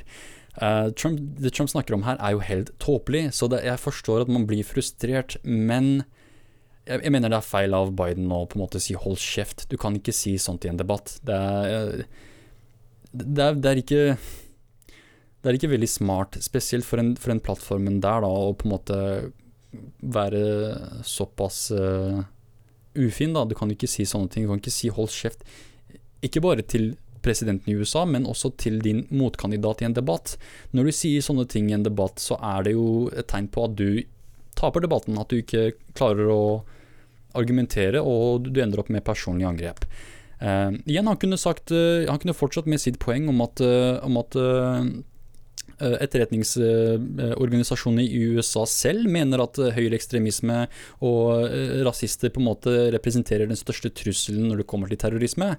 Mm, og, og at på en måte islamistisk terrorisme og antifascist terrorisme ikke er i nærheten av høyreekstremistisk terrorisme.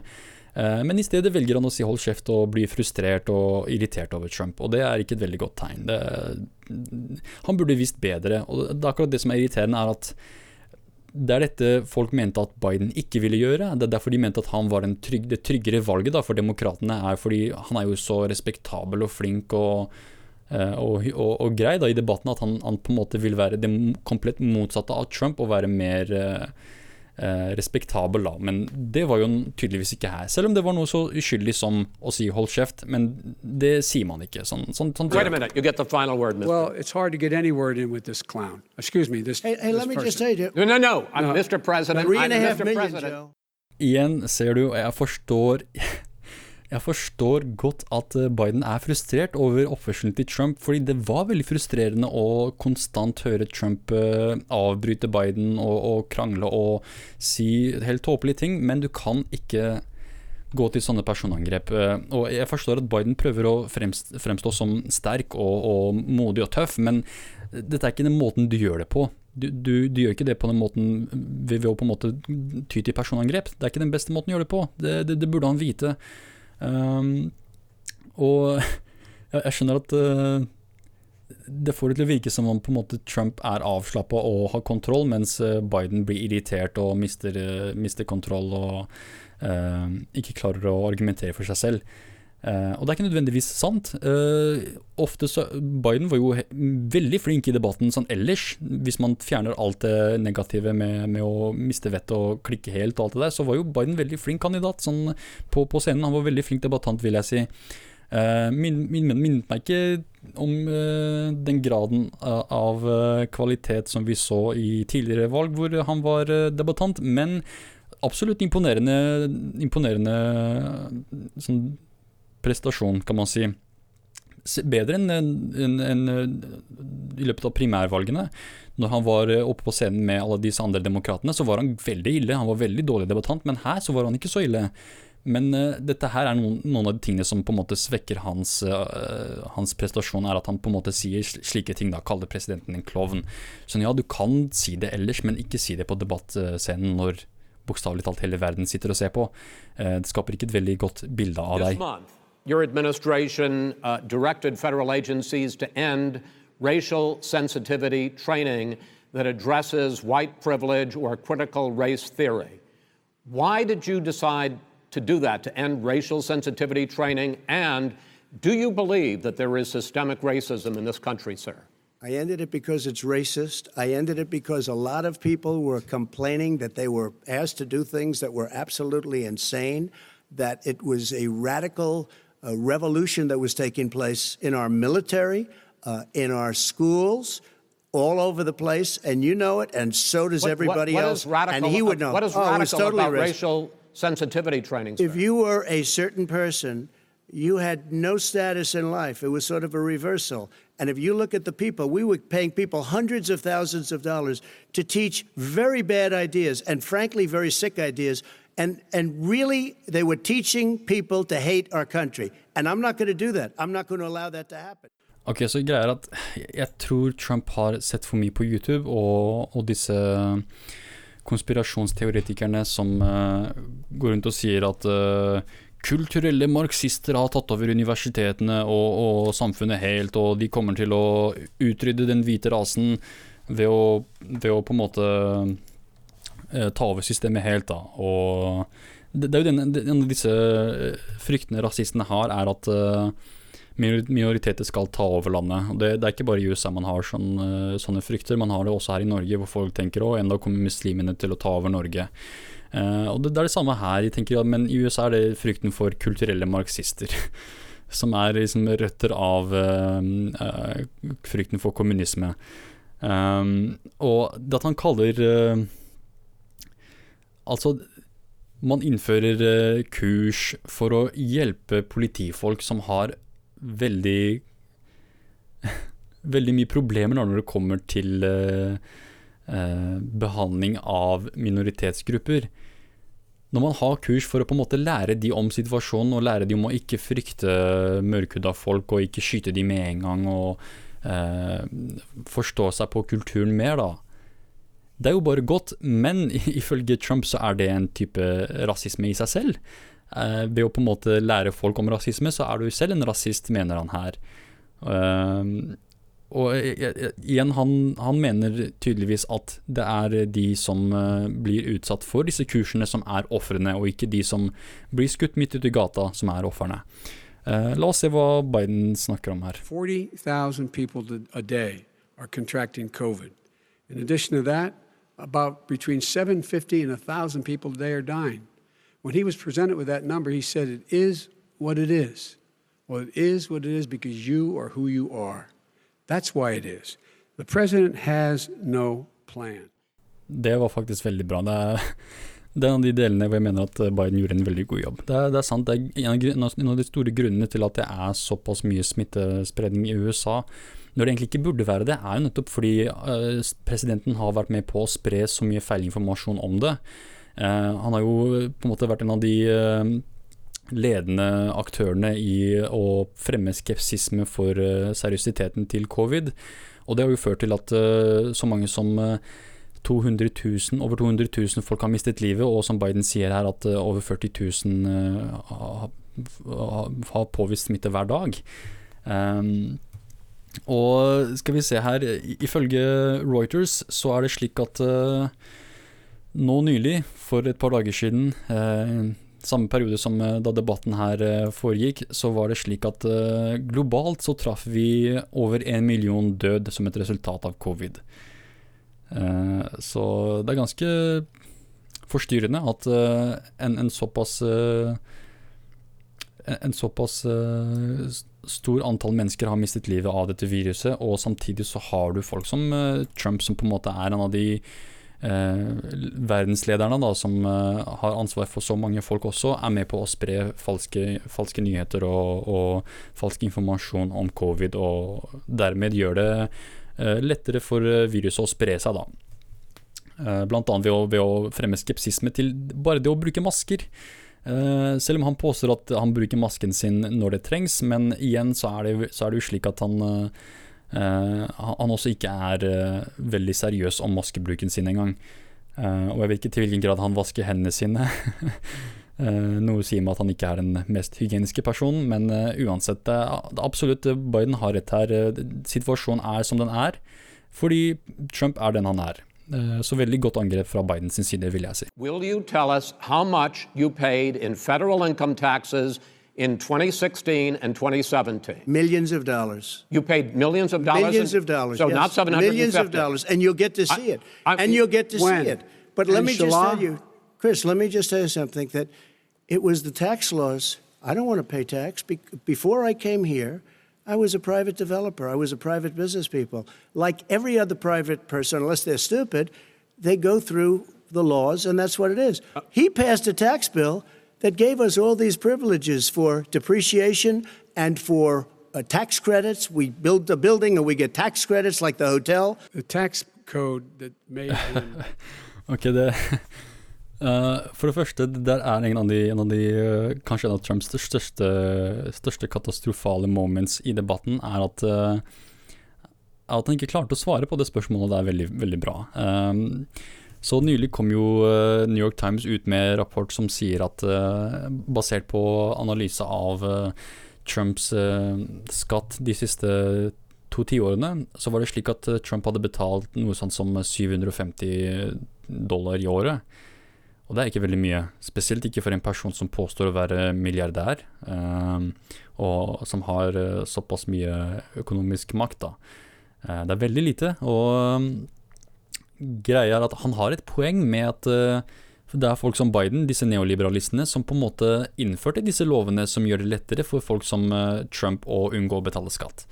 Så der, der har han absolutt rett i. Det, Amazon f.eks. betaler jo så, så, ingenting i skatt, nesten. Det samme med disse store korporasjonene. Mange av disse uh, store selskapene betaler jo ingenting i skatt. Uh, og det er nettopp fordi de får insentiver, og de får, uh, de får, de, de får den retten, da. eh, ved hjelp av disse lovene som uh, bl.a. Biden og, og hans demokrater er med på å skrive. Eh, men igjen, det, jeg syns nok eh, Trump burde, burde fokusert litt mer på det enn å på en måte Uh, sier at han har betalt millioner i skatt, og at uh, tallene kommer ut snart. De kommer ut snart. Han ser jo det samme i 2016. De kommer ut snart. De er under uh, hva det, de IRS, skatteetaten, driver og sjekker de, de, driver og sjekker tallene mine, og de kommer ut snart. Det samme sa han i 2016, og vi fikk aldri se de tallene. men nå har vi sett tallene, og tallene tyder på at han betaler jævlig lite i skatt. Kriminelt lite. Det er, nesten, det er, jo nesten en forbrytelse å betale så lite skatt når man har så mye eiendom og så mye rikdom som Trump har, selv om det ikke er i nærheten av det han selv påstår han har. Uh, og Han har også et poeng med at eh, når man er, eh, når man er en slags uh, forretning, da, så går man gjennom disse lovene og finner en måte man kan unngå å betale skatt på. Uh, og Trump mener at han er smart. Uh, ved å ikke betale skatt, så er han smart, og han sier at han ikke vil betale skatt. Det er også veldig feil. Sånn, du kan ikke si sånt. Du kan ikke som president komme ut og si at 'jeg vil ikke betale skatt'. Det, skatt er jo en av, de, en av de tingene som holder samfunnet oppe. Så når du kommer ut og på den måten der på en måte viser din misnøye med det, faktum, det, det konseptet om å betale skatt, det er ikke veldig smart. Eh, ikke bare for eh, hvordan folk vil anse deg, men også for, for demokratiets stabilitet. Skatt er dritviktig. Uh, spesielt at rike folk som Trump betaler sin, sin del av skatten, de også. Det, det er jo litt urettferdig at uh, arbeidere da skal på en måte betale mer i skatt enn folk som Donald Trump. Det, det gir, jo ikke mening i det hele tatt. Um, men eh, dette er en debatt som eh, folk har forskjellig syn på, men jeg mener at det er helt feil å på en måte si noe sånt. Han burde ikke ha sagt det der. Men det, det som jeg likte aller mest, var nettopp dette her med at han brukte denne, dette spørsmålet som en anledning til å angripe Joe Biden og hans neoliberale politikk, som faktisk er sant. At de har vært med på å, å forme disse lovene og uh, gi disse insentivene til disse korporasjonene, selskapene, til å tjene så mye som mulig og betale så lite som mulig i skatt. Så la oss se hva det er Biden svarer her. Tax code that made him put him in a position that he pays less tax than a school teacher make uh, uh, on the money a school teacher makes is because of him take he says he's smart because he can take advantage of the tax code And he does take advantage of the tax code. That's why I'm going to eliminate the Trump tax cuts. And we're going to, I'm going to eliminate those tax okay. cuts. And make sure that we invest in the people who in fact need the help. Ok, så Når jeg først hørte det der ja, Jeg vet ikke, sånn, jeg skal være ærlig. Uh, greia er at når Bush implementerte sine, sine skattekutt når han var eh, president, og Obama tok over, Bush hadde midlertidige eh, Disse, disse skatte, skattelovene han introduserte, var midlertidige. Når Obama kom i regjering, vet du hva han gjorde? Han gjorde disse skattekuttene permanente. Så når Biden sier at Først og fremst han angriper Trump her og sier at ja, Trump syns det, syns det, er smart å ikke betale skatt, og at han utnytter disse skattelovene våre, så derfor skal jeg på en måte uh, endre disse skattelovene. Og du kan høre Trump i bakgrunnen sier ah, ok, sånn, ja, ok, da, da, da, det hadde faktisk vært fint om du gjorde det, Joe Biden, men uh, kommer han til å gjøre det? Jeg, jeg, jeg, igjen, første gang jeg hørte det, jeg var veldig skeptisk. Det, fordi historien til Joe Biden og de folka som støtter Joe Biden, som har putta han i den stillingen han er, han er i akkurat nå, Grunnen til at han har den fine dressen på seg, det fine slipset sitt, den fine hårklippen, er nettopp fordi han har fått støtte fra folk som ikke vil betale mer i skatt. Uh, bare for å gå tilbake til det vi snakket om tidligere med, med den der Citizens United versus Federal Elections Committee, uh, og det at uh, organisasjoner, korporasjoner og alt det der kan finne, putte penger inn i politisk kommunikasjon, altså valgkampanjer. Det, det, er, det, er, det jeg snakker om. Det, dette er blant de tingene som disse korporasjonene og organisasjonene eh, får ut av det, da. Ved å, ved å, støtte sånne folk som Joe Biden eller Trump, som kommer inn og introduserer alle disse eh, vanvittige skattelovene, da. Som gjør, igjen gjør det, gjør det mulig for disse korporasjonene, selskapene og fagforeningene å tjene eh, og, og, og, og, på en måte betale så lite i skatt som mulig. Um, og, mange av disse folka igjen har støttet Joe Biden, har putta penger i lomma til eh, Joe Biden, eller til kampanjen til Joe Biden. Og der, hvis Joe Biden vinner, så har han jo de som takt Han må jo takke de for at de hjalp han, og Kommer han dermed til å, til å innføre disse, disse, endringene på skattelovene til Trump? Jeg tviler. Jeg, jeg er veldig skeptisk. Jeg, jeg vil faktisk være uh, jeg, tror heller at han på en måte gjør det samme som Obama gjør, gjorde, det å på en måte gjøre skattekuttene til Trump permanente, eh, enn å på en måte fjerne de. Så jeg vet ikke til hvilken grad jeg tror på det Joe Biden sa akkurat her, men eh, igjen, hvis, hvis han er ærlig om det, det hadde vært veldig fint om han faktisk gjorde det. Så la oss eh, se videre her hva, hva det er Biden snakker om. I am urging my people. I hope it's going to be a fair election. If it's a fair You're election, I am 100% on board. But if I see tens of thousands of ballots being manipulated, I can't go along with that. And I'll tell what, you what, what does that from mean, a common sense, does that mean you're I'll tell you tell what your it means. people to take to it the means street? you have a fraudulent election. You're And sending you out gonna do? 80 And million what would you ballots. They're not, they're not equipped to. These people aren't equipped to handle it. Number one. Number two, Okay. they cheat. They cheat. Hey, they found ballots in a waste paper basket three days ago, and they all had the name All right. military ballots. They were military. They all had the name Trump on them. Det der er kanskje en av de største truslene ved Trump som kandidat når det kommer til det amerikanske demokratiet, er at han sier disse tingene her. At han, at han kommer ut og sier uh, Sprer ikke bare liksom, Tenk deg den skepsisen han har spredt rundt covid. Det er én ting. Men når det kommer ut til å spre skepsisme rundt demokratiets legitimitet, det er veldig alvorlig, det også. Um, det er kanskje ikke like dødelig, men det kan uh, føre til ja, en fortsettelse av den politikken som man har uh, hos Trump. da. Så det, er etter min mening en av, de, en av de største truslene med Trump, og som en av de grunnene til at uh, jeg håper på at hvis Biden vinner, at han vinner med utrolig mye, og at det er såpass uh, stor uh, seier for Biden at Trump på en måte ikke kan komme ut og si at det var juks, eller at det, er noe som ikke stemmer her. Fordi fordi hvis, hvis han først kommer ut og sier det, hvis, hvis han taper og kommer ut og sier at han ikke stoler på valgresultatene, og at han vil ha, han vil ha en eh, avgjørelse fra høyesterettsdomstolene, eller at han eh, eh, på en måte uttrykker misnøye med resultatene, da, så kan det hende at uh, noen av hans mer ekstremistiske velgere ender opp med å plukke opp et våpen og marsjere mot eh, Washington DC for å, for å uttrykke sin misnøye.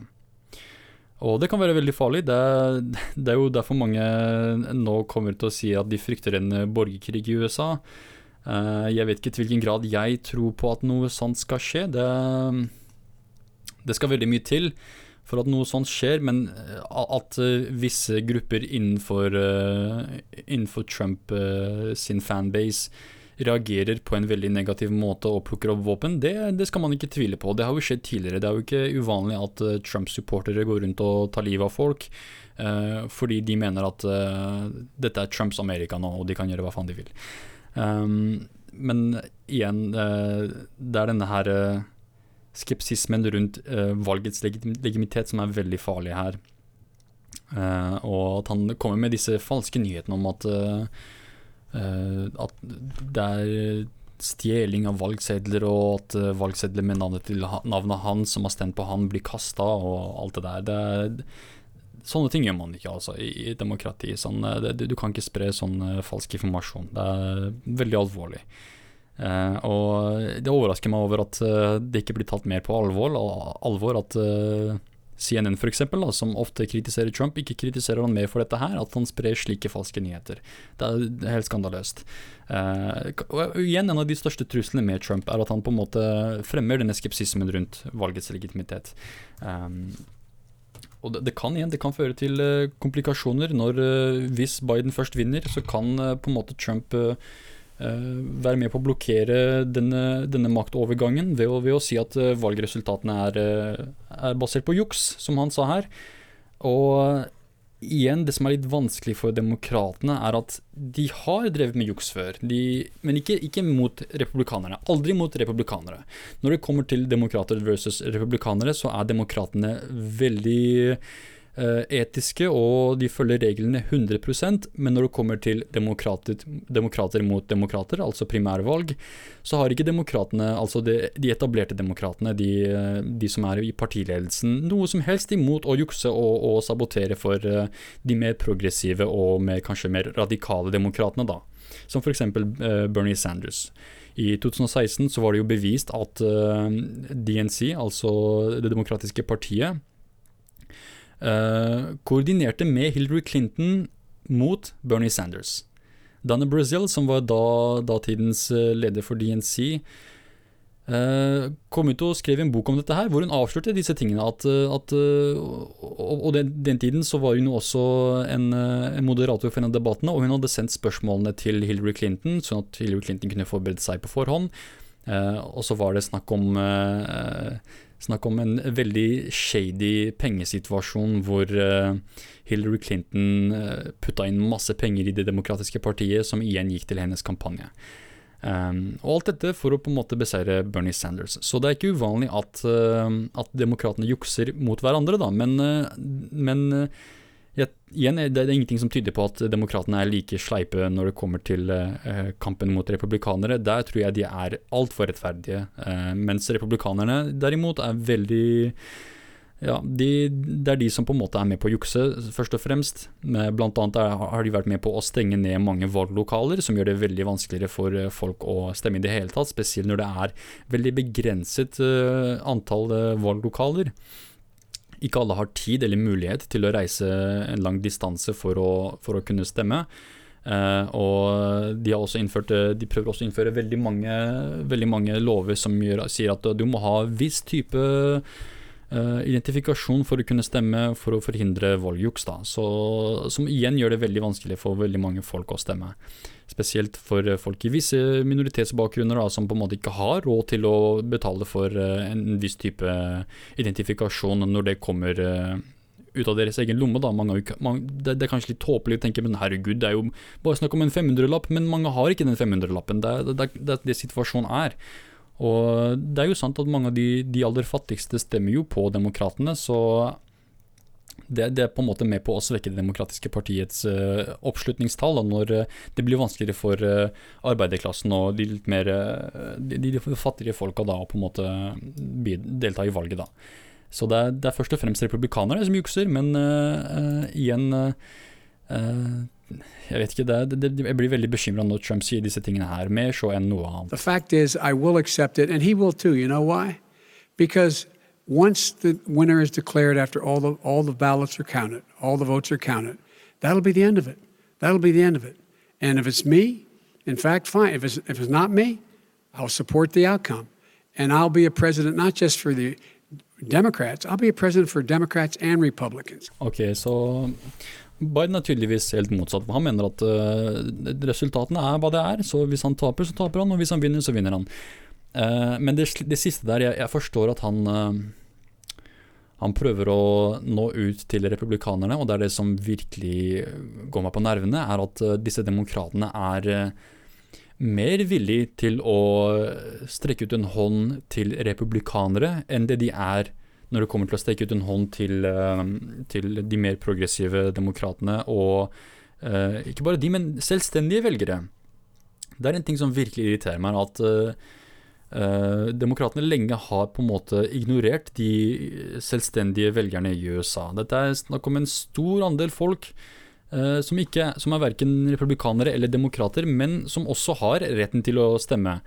I primærvalgene så er det ofte slik at uh, i veldig mange delstater så må du være en registrert demokrat eller republikaner for å kunne stemme på uh, hvem som skal være kandidaten for uh, valget.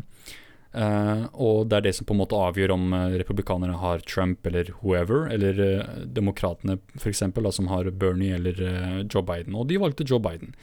Um, og det er de kandidatene som da blir eh, putta mot hverandre i presidentvalget. Og når det er presidentvalg, så er det ikke lenger slik at du må være demokrat eller republikaner for å velge. Nei, nei, nei. Er, for det valget så kan hvem som helst som er på en måte borger, da, kunne, kunne velge. Og veldig mange er selvstendige velgere. Og det er litt synd at uh, Joe Biden på en måte er mer villig til å strekke ut en hånd til disse republikanerne og på en måte si ja, se på meg, jeg kommer til å være en president for dere også. Eh, men samtidig ignorere de mer selvstendige velgerne, som jeg mener har mye mer å si og kan være avgjørende for, eh, for valgresultatet. Eh, men igjen, det er jo ikke uvanlig at demokratene fullstendig ignorerer disse, denne delen, andelen av velgere.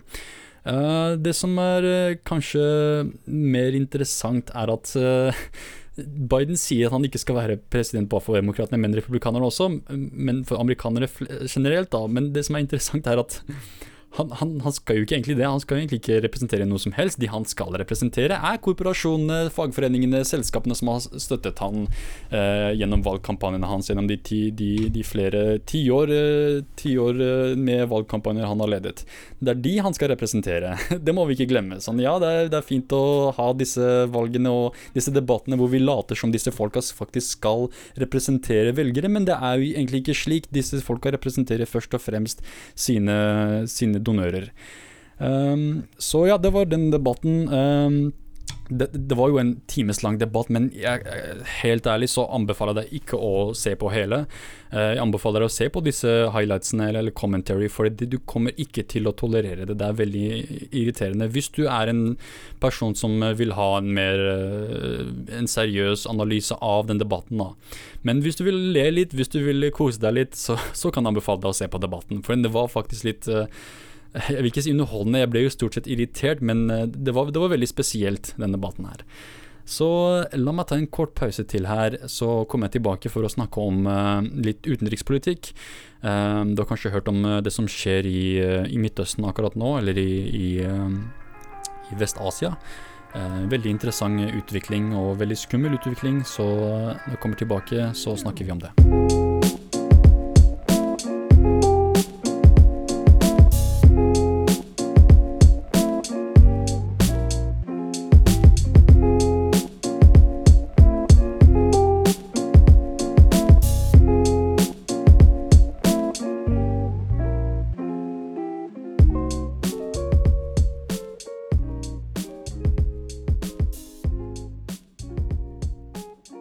Yes, da er jeg tilbake, og nå kan vi gå over uh, til den andre siden av uh, planeten. Vi går over til Armenia og Aserbajdsjan, hvor det nå er en militær konflikt mellom disse to statene, og, og det er over en, en av disse omstridte områdene i regionen.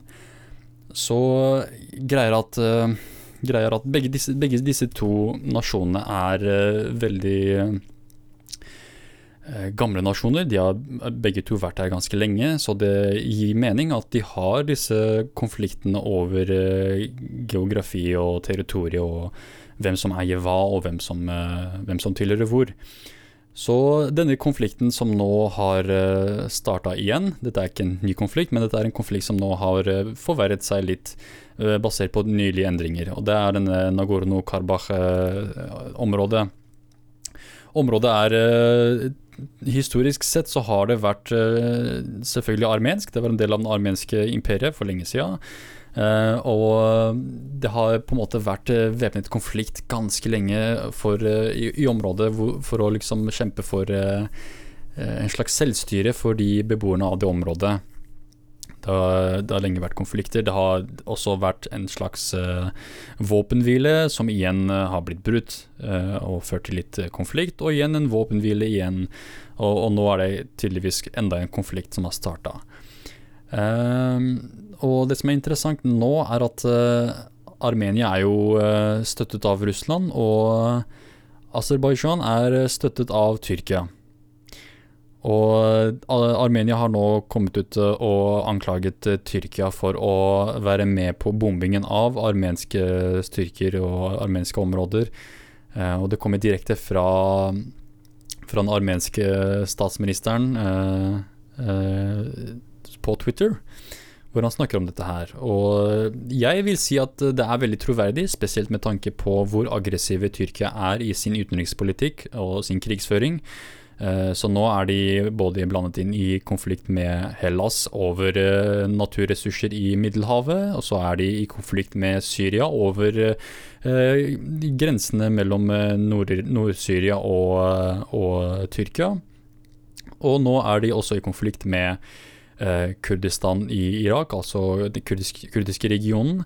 Uh, og nå ty tydeligvis er de i konflikt med Armenia også. Og eh, for, lenge, for, lenge, siden så kom jo en, en, av, en av, Erdogans eh, rådgivere og, og, allierte ut på Twitter med et kart av Tyrkia som var større enn det Tyrkia egentlig er. Og tanken var at eh, dette er fremtidens Tyrkia, som er, eh, på en måte inkluderer deler av eh, Hellas, deler av Bulgaria, deler av Armenia, deler av Syria og Irak. Um, og når, når, jeg tenker på disse situasjonene her, når jeg tenker på denne konflikten i Nagorno-Karabakh og Tyrkias innblanding og alt det der, så tenker jeg på denne, dette kartet som denne politikeren posta på Twitter. For, for det, det, jeg tenker er jo, det er jo det som er målet deres. Så når, når det er slike konflikter og Tyrkia er involvert, så tenker jeg alltid det er ikke basert på at Tyrkia liksom er uh, De føler en slags brorskap til sin uh, til sine aserbajdsjanske fettere. Det er, ikke, det, det ikke det med saken å gjøre. Det har heller, heller noe med det å gjøre at uh, Tyrkia ønsker seg et, et nytt imperium. Uh, så la oss se hva det, er, uh, hva det, er, som har skjedd i det siste i Nagorno-Karabakh mellom armenske og azeri-styrker. Så NTB skriver angrepet skal komme fra både nord og sør, ifølge den armenske forsvarsdepartementet.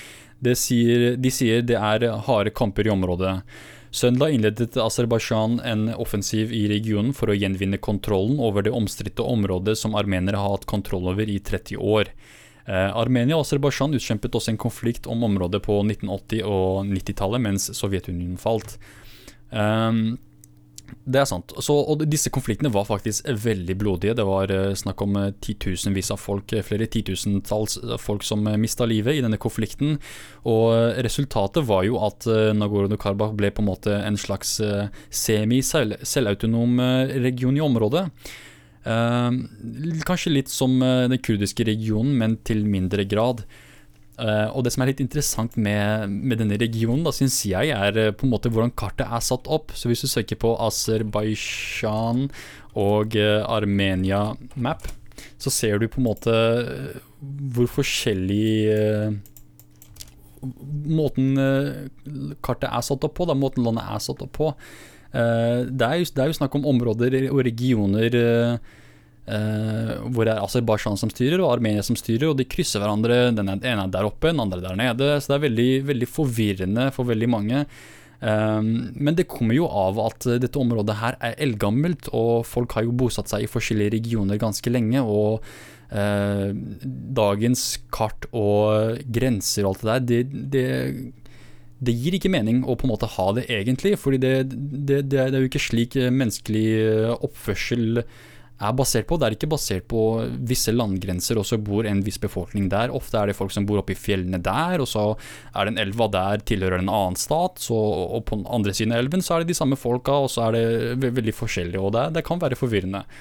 Uh, men i hvert fall det området her, da, som på en måte er i uh, det som det internasjonale uh, fellesskapet anerkjenner som Aserbajdsjan det er bosatt av veldig mange armenere, og det har på en måte veldig lenge vært eh, selvstyrt av armenske folk. Um, og akkurat nå, det er det som er problemet akkurat nå, det er at Aserbajdsjan prøver nå å ta tilbake disse landområdene ved, ved, å på en måte bryte denne våpenhvilen og gå tilbake til krig. Um, og skal vi se her, NTB skriver videre. Armenske kilder hevder mer enn 200 mennesker så langt døde i konflikten. Eh, begge sider anklager hverandre for å bruke fremmedkrigere i konflikten, og Frankrikes president eh, Emmanuel Macron har krevd en forklaring fra nabolandet Tyrkia om hvorfor eh, det han hevder er jihadister har tatt seg inn i Aserbajdsjan. det er jo en veldig vanlig metode for Tyrkia, er å sende inn jihadister i enhver konfliktområde. De gjorde jo det samme i Nord-Syria, hvor de ville presse ut kurderne og YPG-styrkene fra eh, fra Rojava-områdene.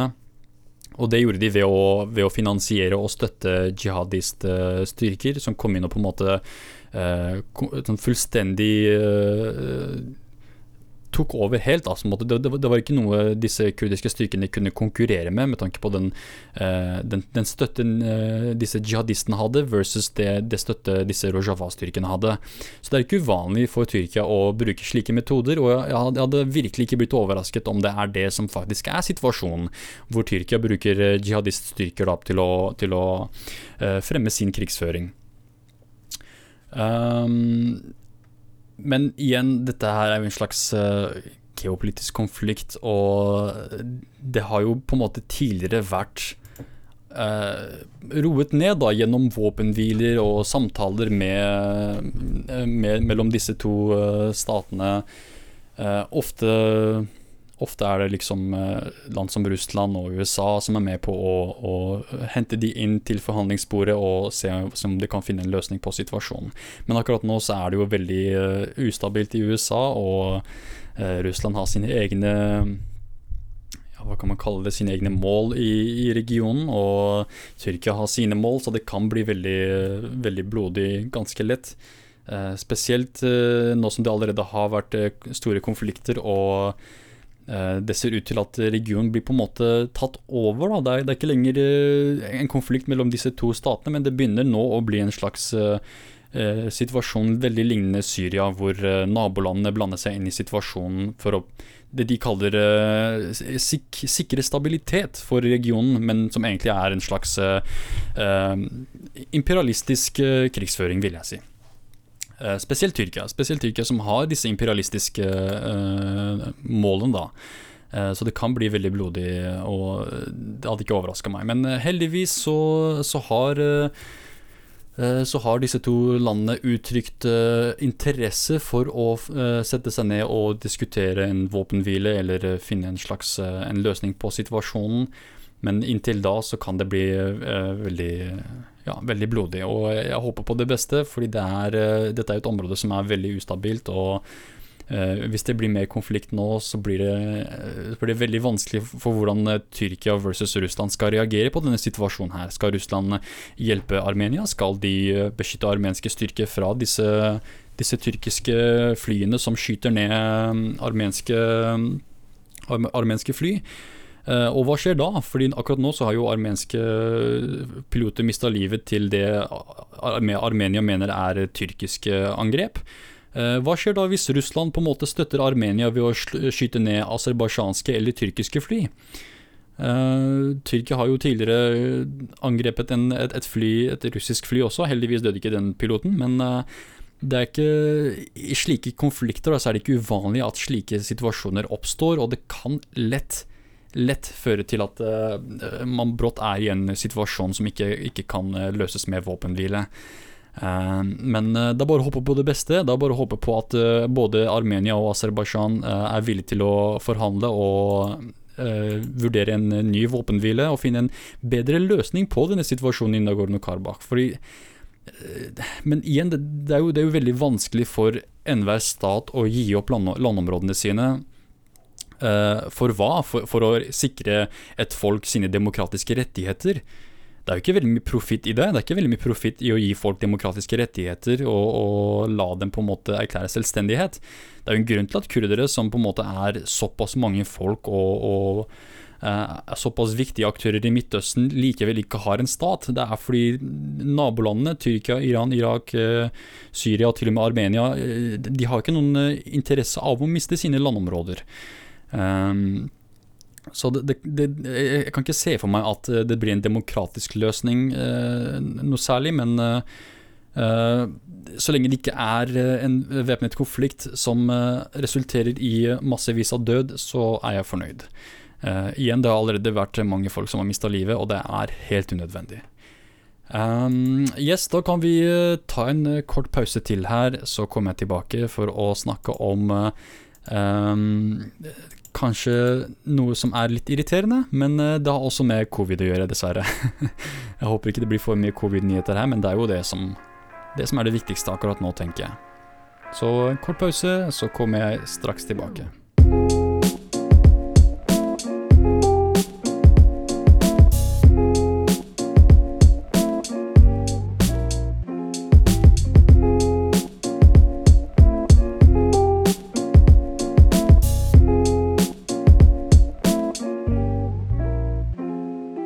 Yes, da er jeg tilbake, og nå tenker jeg vi kan gå over til å snakke om uh, covid-19-nyheter. Så dette her er en litt uh, tragisk uh, nyhet som kommer fra Storbritannia. De skal vi se her, Dette er skrevet av Reuters, eller det er de som har på en måte lastet opp artikkelen her, skrevet av Alistair, Alistair Smout. Smout. Uh, han eller hun skriver at uh, over 80% av befolkningen i Storbritannia følger ikke selvisolering retningslinjene, og selv når de har covid-19-symptomer eller har vært i kontakt med noen som har testet positivt. Og det er veldig skummelt at over 80% ikke følger disse retningslinjene, som på en måte er veldig nødvendige. Da. Det er en grunn til at vi har disse, disse, disse reglene da, for hvordan man skal oppføre seg, og hva man skal gjøre når man først har vært i risikable situasjoner. skal vi se her De skriver at, at en flertall av de som var ikke i stand til å identifisere symptomer for covid-19. Uh, uh, ja, at majoriteten ikke var uh, ikke kunne på en måte identifisere symptomene. Da. Så mange visste ikke engang hva det var de skulle se etter, hvis de først skulle vurdere om de har fått covid eller ikke. Og det er veldig skummelt det også, at folk ikke vet engang hvordan, hva, hva dette viruset innebærer. Så de kan gå rundt med, en, med, hodepine og feber og tenke at de bare kanskje har en liten forkjølelse eller noe, men samtidig så kan det være noe mer alvorlig, som covid-19. Um, skal vi se her. Ifølge en uh, forskningsstudie ledet av Kings College i London, så fant de ut at 18,2% av folk som uh, har rapportert for å ha symptomer for covid-19 i de siste syv dagene, hadde ikke forlatt eh, huset sitt eh, siden symptomene utviklet seg. Og at kun 11,9% av disse hadde, hadde forespurt en, en covid-19-test.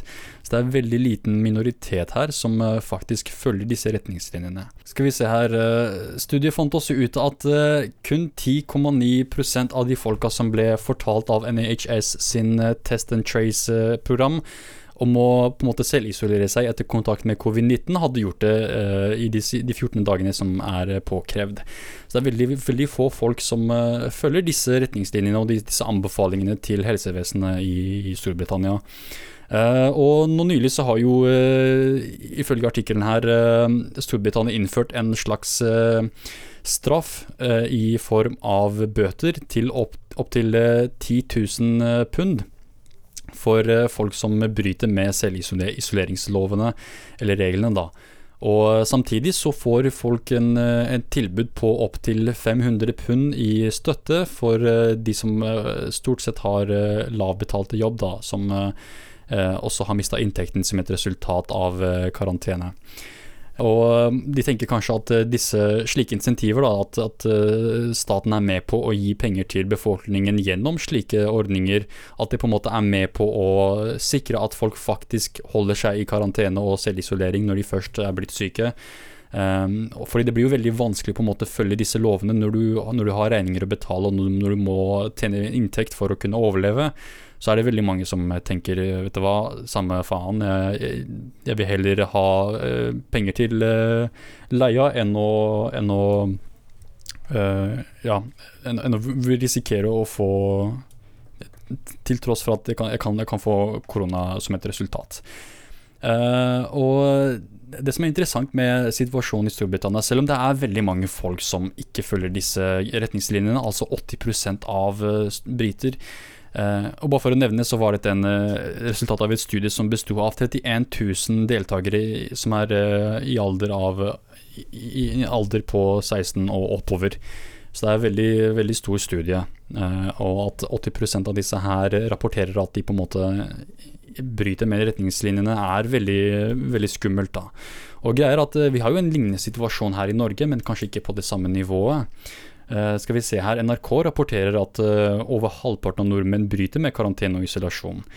Uh, de skriver at en undersøkelse fra Universitetet i Bergen og Folkehelseinstituttet, som inkluderer 1704 personer, kanskje ikke like mange som det britiske studiet, men likevel en del folk det også, Uh, og ifølge dette studiet her så har 402 blitt bedt, blitt bedt, om å gå i karantene eller isolasjon, og de har svart på ulike spørsmål med tre til seks ukers mellomrom.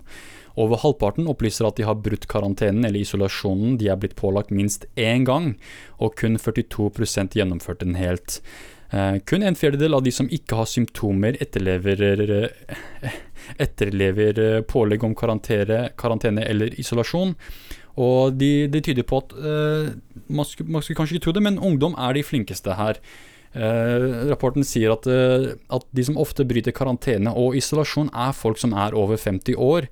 Og 76% av befolkningen mellom 50 og 69 år har brutt reglene minst én gang. Eh, Bjarne Roppestad, som er eh, professor i helseøkonomi ved Universitetet i Bergen, sier at eh, det har vært mye snakk om ungdommer som fester, men i våre data er det ungdommen som er de desidert flinkeste til å etterleve, beklager, etterleve og karantene og isolasjon. Og 72% av disse deltakerne i undersøkelsen er mellom, mellom 18 og 29 år. Og det er de som opplyser at de har gjennomført karantene eller isolasjon de er pålagt. Eh, de store verstingene er 50- og 60-åringene, og blant dem er det bare én av fire som etterlever, etterlever uh, karantene og isolasjon, sier han. Um, videre skriver de da viruset først brøt ut i Norge, var folk flinke til å følge karantenereglene. Rundt to tredjedeler ble hjemme da de ble bedt om det, men dugnadsånden forsvant fort. Eh, forsvant fort. Allerede i mai, når sommer Allerede i mai, når samfunnet begynte å åpne opp, falt dette til omtrent halvparten. Eh, da kan det se ut som folk flest senket skuldrene, sier Ropestad. Um, det gir jo helt mening. Jeg, jeg, har personlig vært veldig skeptisk til, uh, til ungdom når det kommer til uh, å, å, å, følge disse retningslinjene for, uh, for riktig oppførsel. da. Men uh, tydeligvis så er det de eldre som er de verste på akkurat dette her. Uh, og det, er, det, som er interessant, er at det er de som også er de mest sårbare overfor uh, covid-situasjonen. Så det, er veldig skummelt å tenke på at de som er mest sårbare, også er de mest uansvarlige når det kommer til, til, til isolering og selvkarantene. Um, uh, og igjen det, det med at uh, ja, ofte blir ungdom anklaget for å være de verste, nettopp fordi det, det, blir mye snakk om festing og sånt. Det var jo nylig i Oslo, så var det uh, ikke bare Oslo, men rundt hele Norge, denne, denne Rundt skolestart så har man jo fadderordningen, hvor faddere og studenter på en måte sosialiserer og drikker og har det gøy sammen. Og det, det var jo ikke veldig smart i koronatider. Eh, men likevel så er det ikke de som er de verste, ifølge dette studiet som ble utført av Folkehelseinstituttet og Universitetet i Bergen. Um, skal vi se her, Fagdirektør i Folkehelseinstituttet Frode Forland sier at tallene er urovekkende lave sammenlignet med hva vi hadde forventet. Uh, jeg tenker at det er et mønster som at mange ikke følger énmeterregelen og fester, der folk ikke lenger tar smitteverntiltakene på alvor. Um, skal vi se, Roppestad sier videre at, eh, at, eh, han tror det er viktig at den norske befolkningen er klar over uh, slik, slik, at vi kan justere kursen om nødvendig. Og jeg vet ikke, sånn situasjonen i Norge med tanke på covid det er jo, det er jo ille, selvsagt, men det er ikke i nærheten av, av hvor ille det, det var tidligere. Eh, akkurat nå så er det jo 27 som er innlagt, 275 eh, som har mista livet. Og eh, bare denne siste uken her så har 695 blitt smitta, samtidig som totalt smitte er på 14 283. Så tallene er ikke, det er ikke ille, men det er åpenbart at det folk mistenkte med denne koronakrisen tidligere, det med at eh, det ville være ille i begynnelsen, og så ville sommeren komme og ting ville roe seg ned, og så mot uh, vinteren og, og, eh, perioden etter sommeren så ville covid på en måte sprette opp igjen og, være tilbake og være ille igjen. da. Og um, Det er jo tydeligvis det som har skjedd akkurat nå.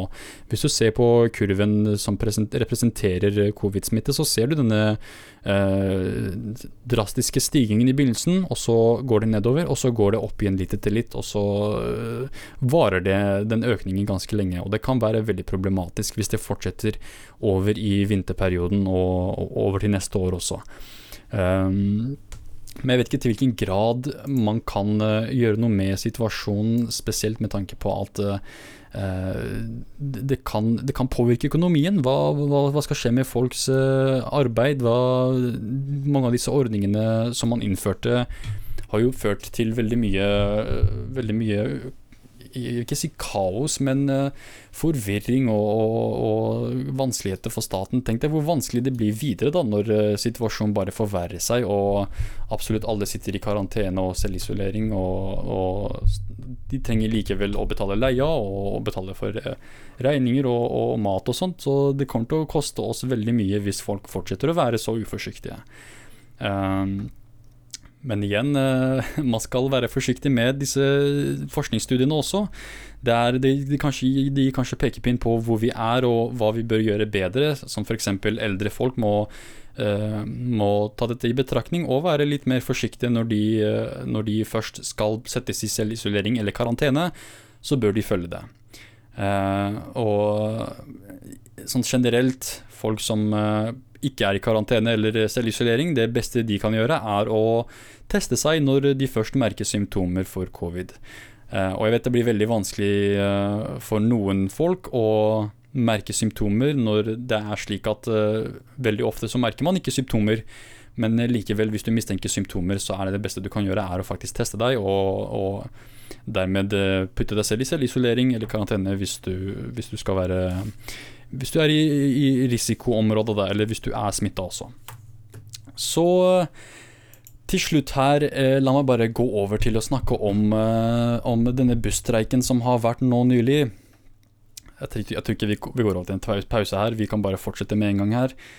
Så nå nylig så var det jo en busstreik som hadde spredt seg over eh, store deler av Norge. Det var til sammen over 8500 bussjåfører som var i streik fra lørdag 26.9.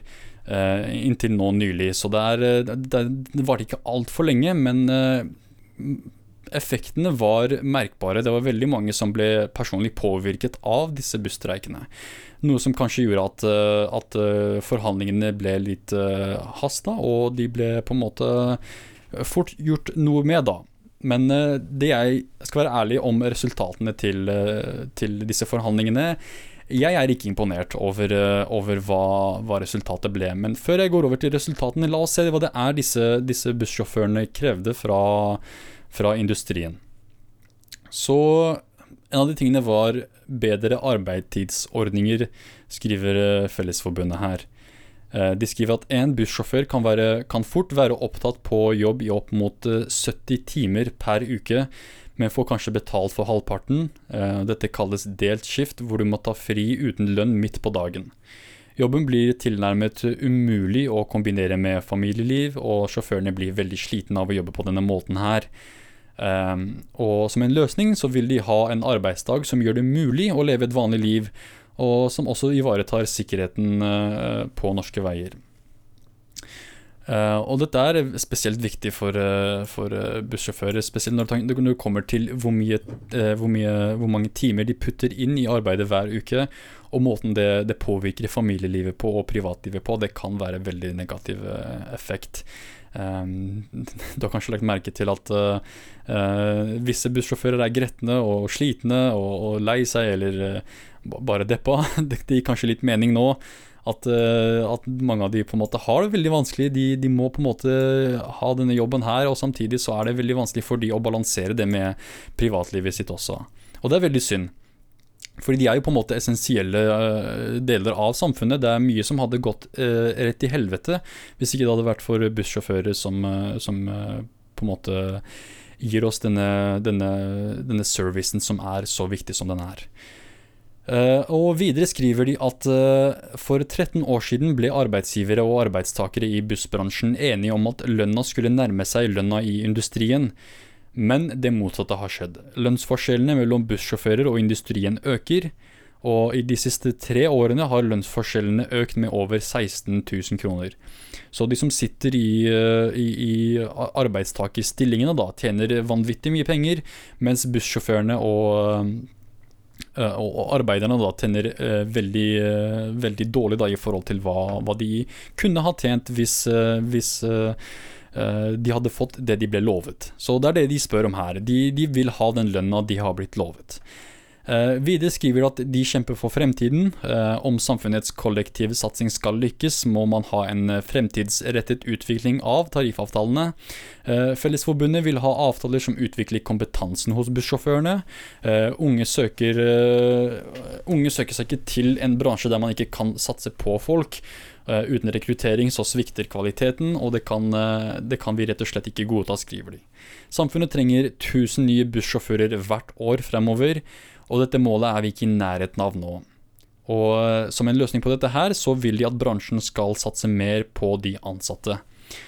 Uh, så dette her er jo ikke så vanvittige krav. Det, det, det, gir veldig, som de skriver her, det er veldig rettferdige og ansvarlige krav de snakker om her.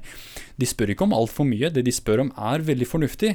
Eh, og det er egentlig for eh, samfunnets beste, tenker jeg, da, å, å, å sørge for at disse bussjåførene ikke bare jobber eh, bedre skift. Da, at de på en måte ikke har denne, denne, arbeidsperioden som de har, som på en måte er med på å påvirke livet deres til den graden den gjør. Eh, det kan være veldig, veldig vanskelig å, å gjøre jobben sin på en god måte når du har det vanskeligere hjemme i familielivet, når du ikke får se familien like mye, når du konstant jobber og er sliten og igjen ikke tjener for, for det arbeidet du gjør. Uh, og e, enda verre er dette her med at eh, de ble lovet bedre lønn, men ikke har fått det etter 13 år. Det tenker jeg er skandale. Bare det i seg selv bør være noe som burde ha blitt fikset for lenge siden, så at de må komme ut og streike bare for å få den lønna de fortjener det tenker jeg er skandaløst for, fra, fra arbeidsgivernes, øh, arbeidsgivernes, del. Uh, disse bussjåførene fortjener absolutt en lønnsøkning som, uh, som, på en måte er på samme nivå som arbeidsgiverne, da. Jeg sier ikke at en, en bussjåfør skal tjene like mye som ledere innenfor industrien, det er ikke det jeg snakker om her. Men jeg snakker om at forskjellene skal være mindre, at det ikke skal være såpass urettferdig fordeling av ressurser det skal ikke så mye til for å, for å gjøre det rettferdig. Da. Det er ikke snakk om å gi en bussjåfør to mil i lønn, men kanskje, kanskje, litt mer enn det de har akkurat nå, da. Så nå er jo busstreiken over. Og det har jo ikke vært altfor alt, alt for lenge siden buss, bussstreiken var, var ferdig. Eh, det begynte i eh, nå i oktober eh, klokka tolv startet de fra, fra, da, og så videre ut i, ut i dagen så var bussene på gata igjen. Og det som er greia, er at de har egentlig ikke fått så mye som man skulle forvente. De har ikke fått så gode resultater av disse forhandlingene. Det var egentlig veldig skuffende. Så Fellesforbundets Jørn Eggum, som er forbundsleder, sier Partene har gjort forbedringer i avtalen som forhindrer at bussjåførene kommer dårlig ut i samordnede oppgjør og påfølgende mellomoppgjør, slik som i 2018 og 2019. Eh, og Fellesforbundet her de opplyser at alle sikres en lønnsvekt på ni kroner. Ni kroner. Eh, dette fordeles med 6,50 kroner i lønnsøkning i 2020 og en opptrapping med 2,5 kroner i 2021. Og I tillegg kommer det generelle tillegget i mellomoppgjøret i 2021. Eh, årslønns, årslønnsvekten da blir nærmere 20 000 kroner for den enkelte sjåfør. Eh, av andre gjennomslag så har vi sikret at det skal jobbes med å se på arbeidsordninger og sikkerhetstiltak, sier Eggum. Så til sammen 20 000 kroner mer i, i året for bussjåfører. Ikke veldig imponerende, eh, basert på det, det, resultatet man kanskje håpet på. Kanskje jeg vet ikke, kanskje 50 000 hadde ikke vært så ille, det. Men 200, eh, nei, 20 000 er, for, for, veldig mange så dekker det så vidt eh, regninger og sånt da, for en måned. Og dette her er snakk om årslønn. Til, sammen i årslønn så tjener de bare 20 000 mer. Uh, skal vi se her uh, Riksmekler Mats Wilhelm Ruland tok initiativ til å møte for å få en status fra partene og få slutt på streiken. Uh, han sier at det er en veldig stor og alvorlig arbeidskonflikt. Det er den største på mange år, det rammer tredjeparten ganske hardt, og da må vi prøve å se om det er mulig å få i gang en dialog mellom partene for å finne en løsning. skal vi se her Bakgrunnen for streiken er først og fremst lønnskrav. Arbeidstakersorganisasjonene mener at lønnsavstanden fra bussjåfør til industriarbeider er blitt stadig større de siste årene. Bussjåførene er blitt hengende etter lønnsutviklingen i mange år. Snittlønnen er kanskje på 450 kroner i året, inkludert tillegg. Eh, og bare de siste tre årene har sjåførene dalt 16 eh, 000 kroner sammenlignet med industriarbeidere, sier kommunikasjonssjef André Nerheim i Fellesforbundet til VG. Uh, skal vi se her, Streiken har også skapt bekymring blant politikere, fordi de frykter at det vil bli mer trengsel på tog, trikk og andre kollektivtilbud. Uh, ja, Det kan man godt tenke seg, spesielt i disse koronatilstandene, at det kanskje blir mer stappfullt på andre typer kollektivtransport når bussene ikke går. Eh, men eh, det har faktisk ikke vært altfor ille. Um, men vi, vi, får vel se når uh, smittetallene økes, uh, kanskje. Da får vi se, at, uh, får se om dis, disse busstreikene hadde noe påvirkning eller ikke. Men jeg, jeg tviler på at det var, det var så, så, ille som man skulle tro. Uh, så det er den busstreiken. Dessverre så fikk de ikke de eh, De fikk ikke en såpass gode ordninger eh, som et resultat av streiken, men det er jo Man kan jo si det er bedre enn ingenting. Eh, men igjen, ingenting er jo det som førte til at de i det hele tatt streiket. Så hvis det skjer en streik til, så kan jeg det, blir, det vil bli veldig vanskelig for meg å på en måte si uh, si noe imot disse bussjåførene. For jeg mener at de, de, bør faktisk streike igjen. Og jeg mener at streiken varte ikke lenge nok. Jeg tror de burde ha drøyet det i hvert fall en uke til for å kreve litt mer, uh, mer, rettferdige, mer rettferdige, ordninger her. Altså, det er 20 000 mer i årslønn. Det er ikke nok med, med tanke på hvor mye de jobber og, og hvor, uh, hvor slitne og hvor, hvor viktige de er også for samfunnet. Så ja, vi vi får se hvordan, uh, hvordan, situasjonen utvikler seg. Det er jo som sagt ikke før 2021 det blir en fullstendig lønnsøkning. For akkurat nå er det jo bare snakk om uh, ca. 6 kroner uh, økning i, i timelønna, og så blir det um, og så blir det to ekstra kroner neste år. helt, helt tåpelig. To kroner. Men uh, uansett, det får holde for nå. Nå har vi gått uh, nesten over til Uh, i to, to, timer med podkast her, men jeg tenker det er greit nok uh, materiale. Så uh, ja, hva mer kan jeg si? Jo, sjekk ut tegneseriene mine, yo.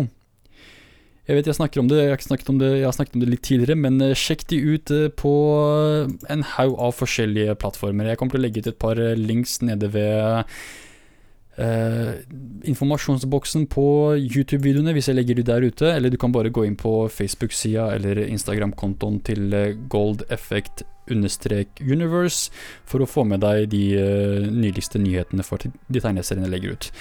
Uh, ellers så er det bare å holde øye med disse podkastene. Du, du, må huske å, å, å følge, på, følge, oss på Spotify og de plattformene du foretrekker, så vet jeg liksom hvor folk er. Uh, og så abonner gjerne på Prat Network-siden til, uh, til podkasten, bl.a. på YouTube. Der er det jo Det er jo ikke bare podkastmateriale der, der er det litt mer, mer forskjellig støff også. Så takk for at du hørte på. Dette var Hivar, og nå litt heftig musikk.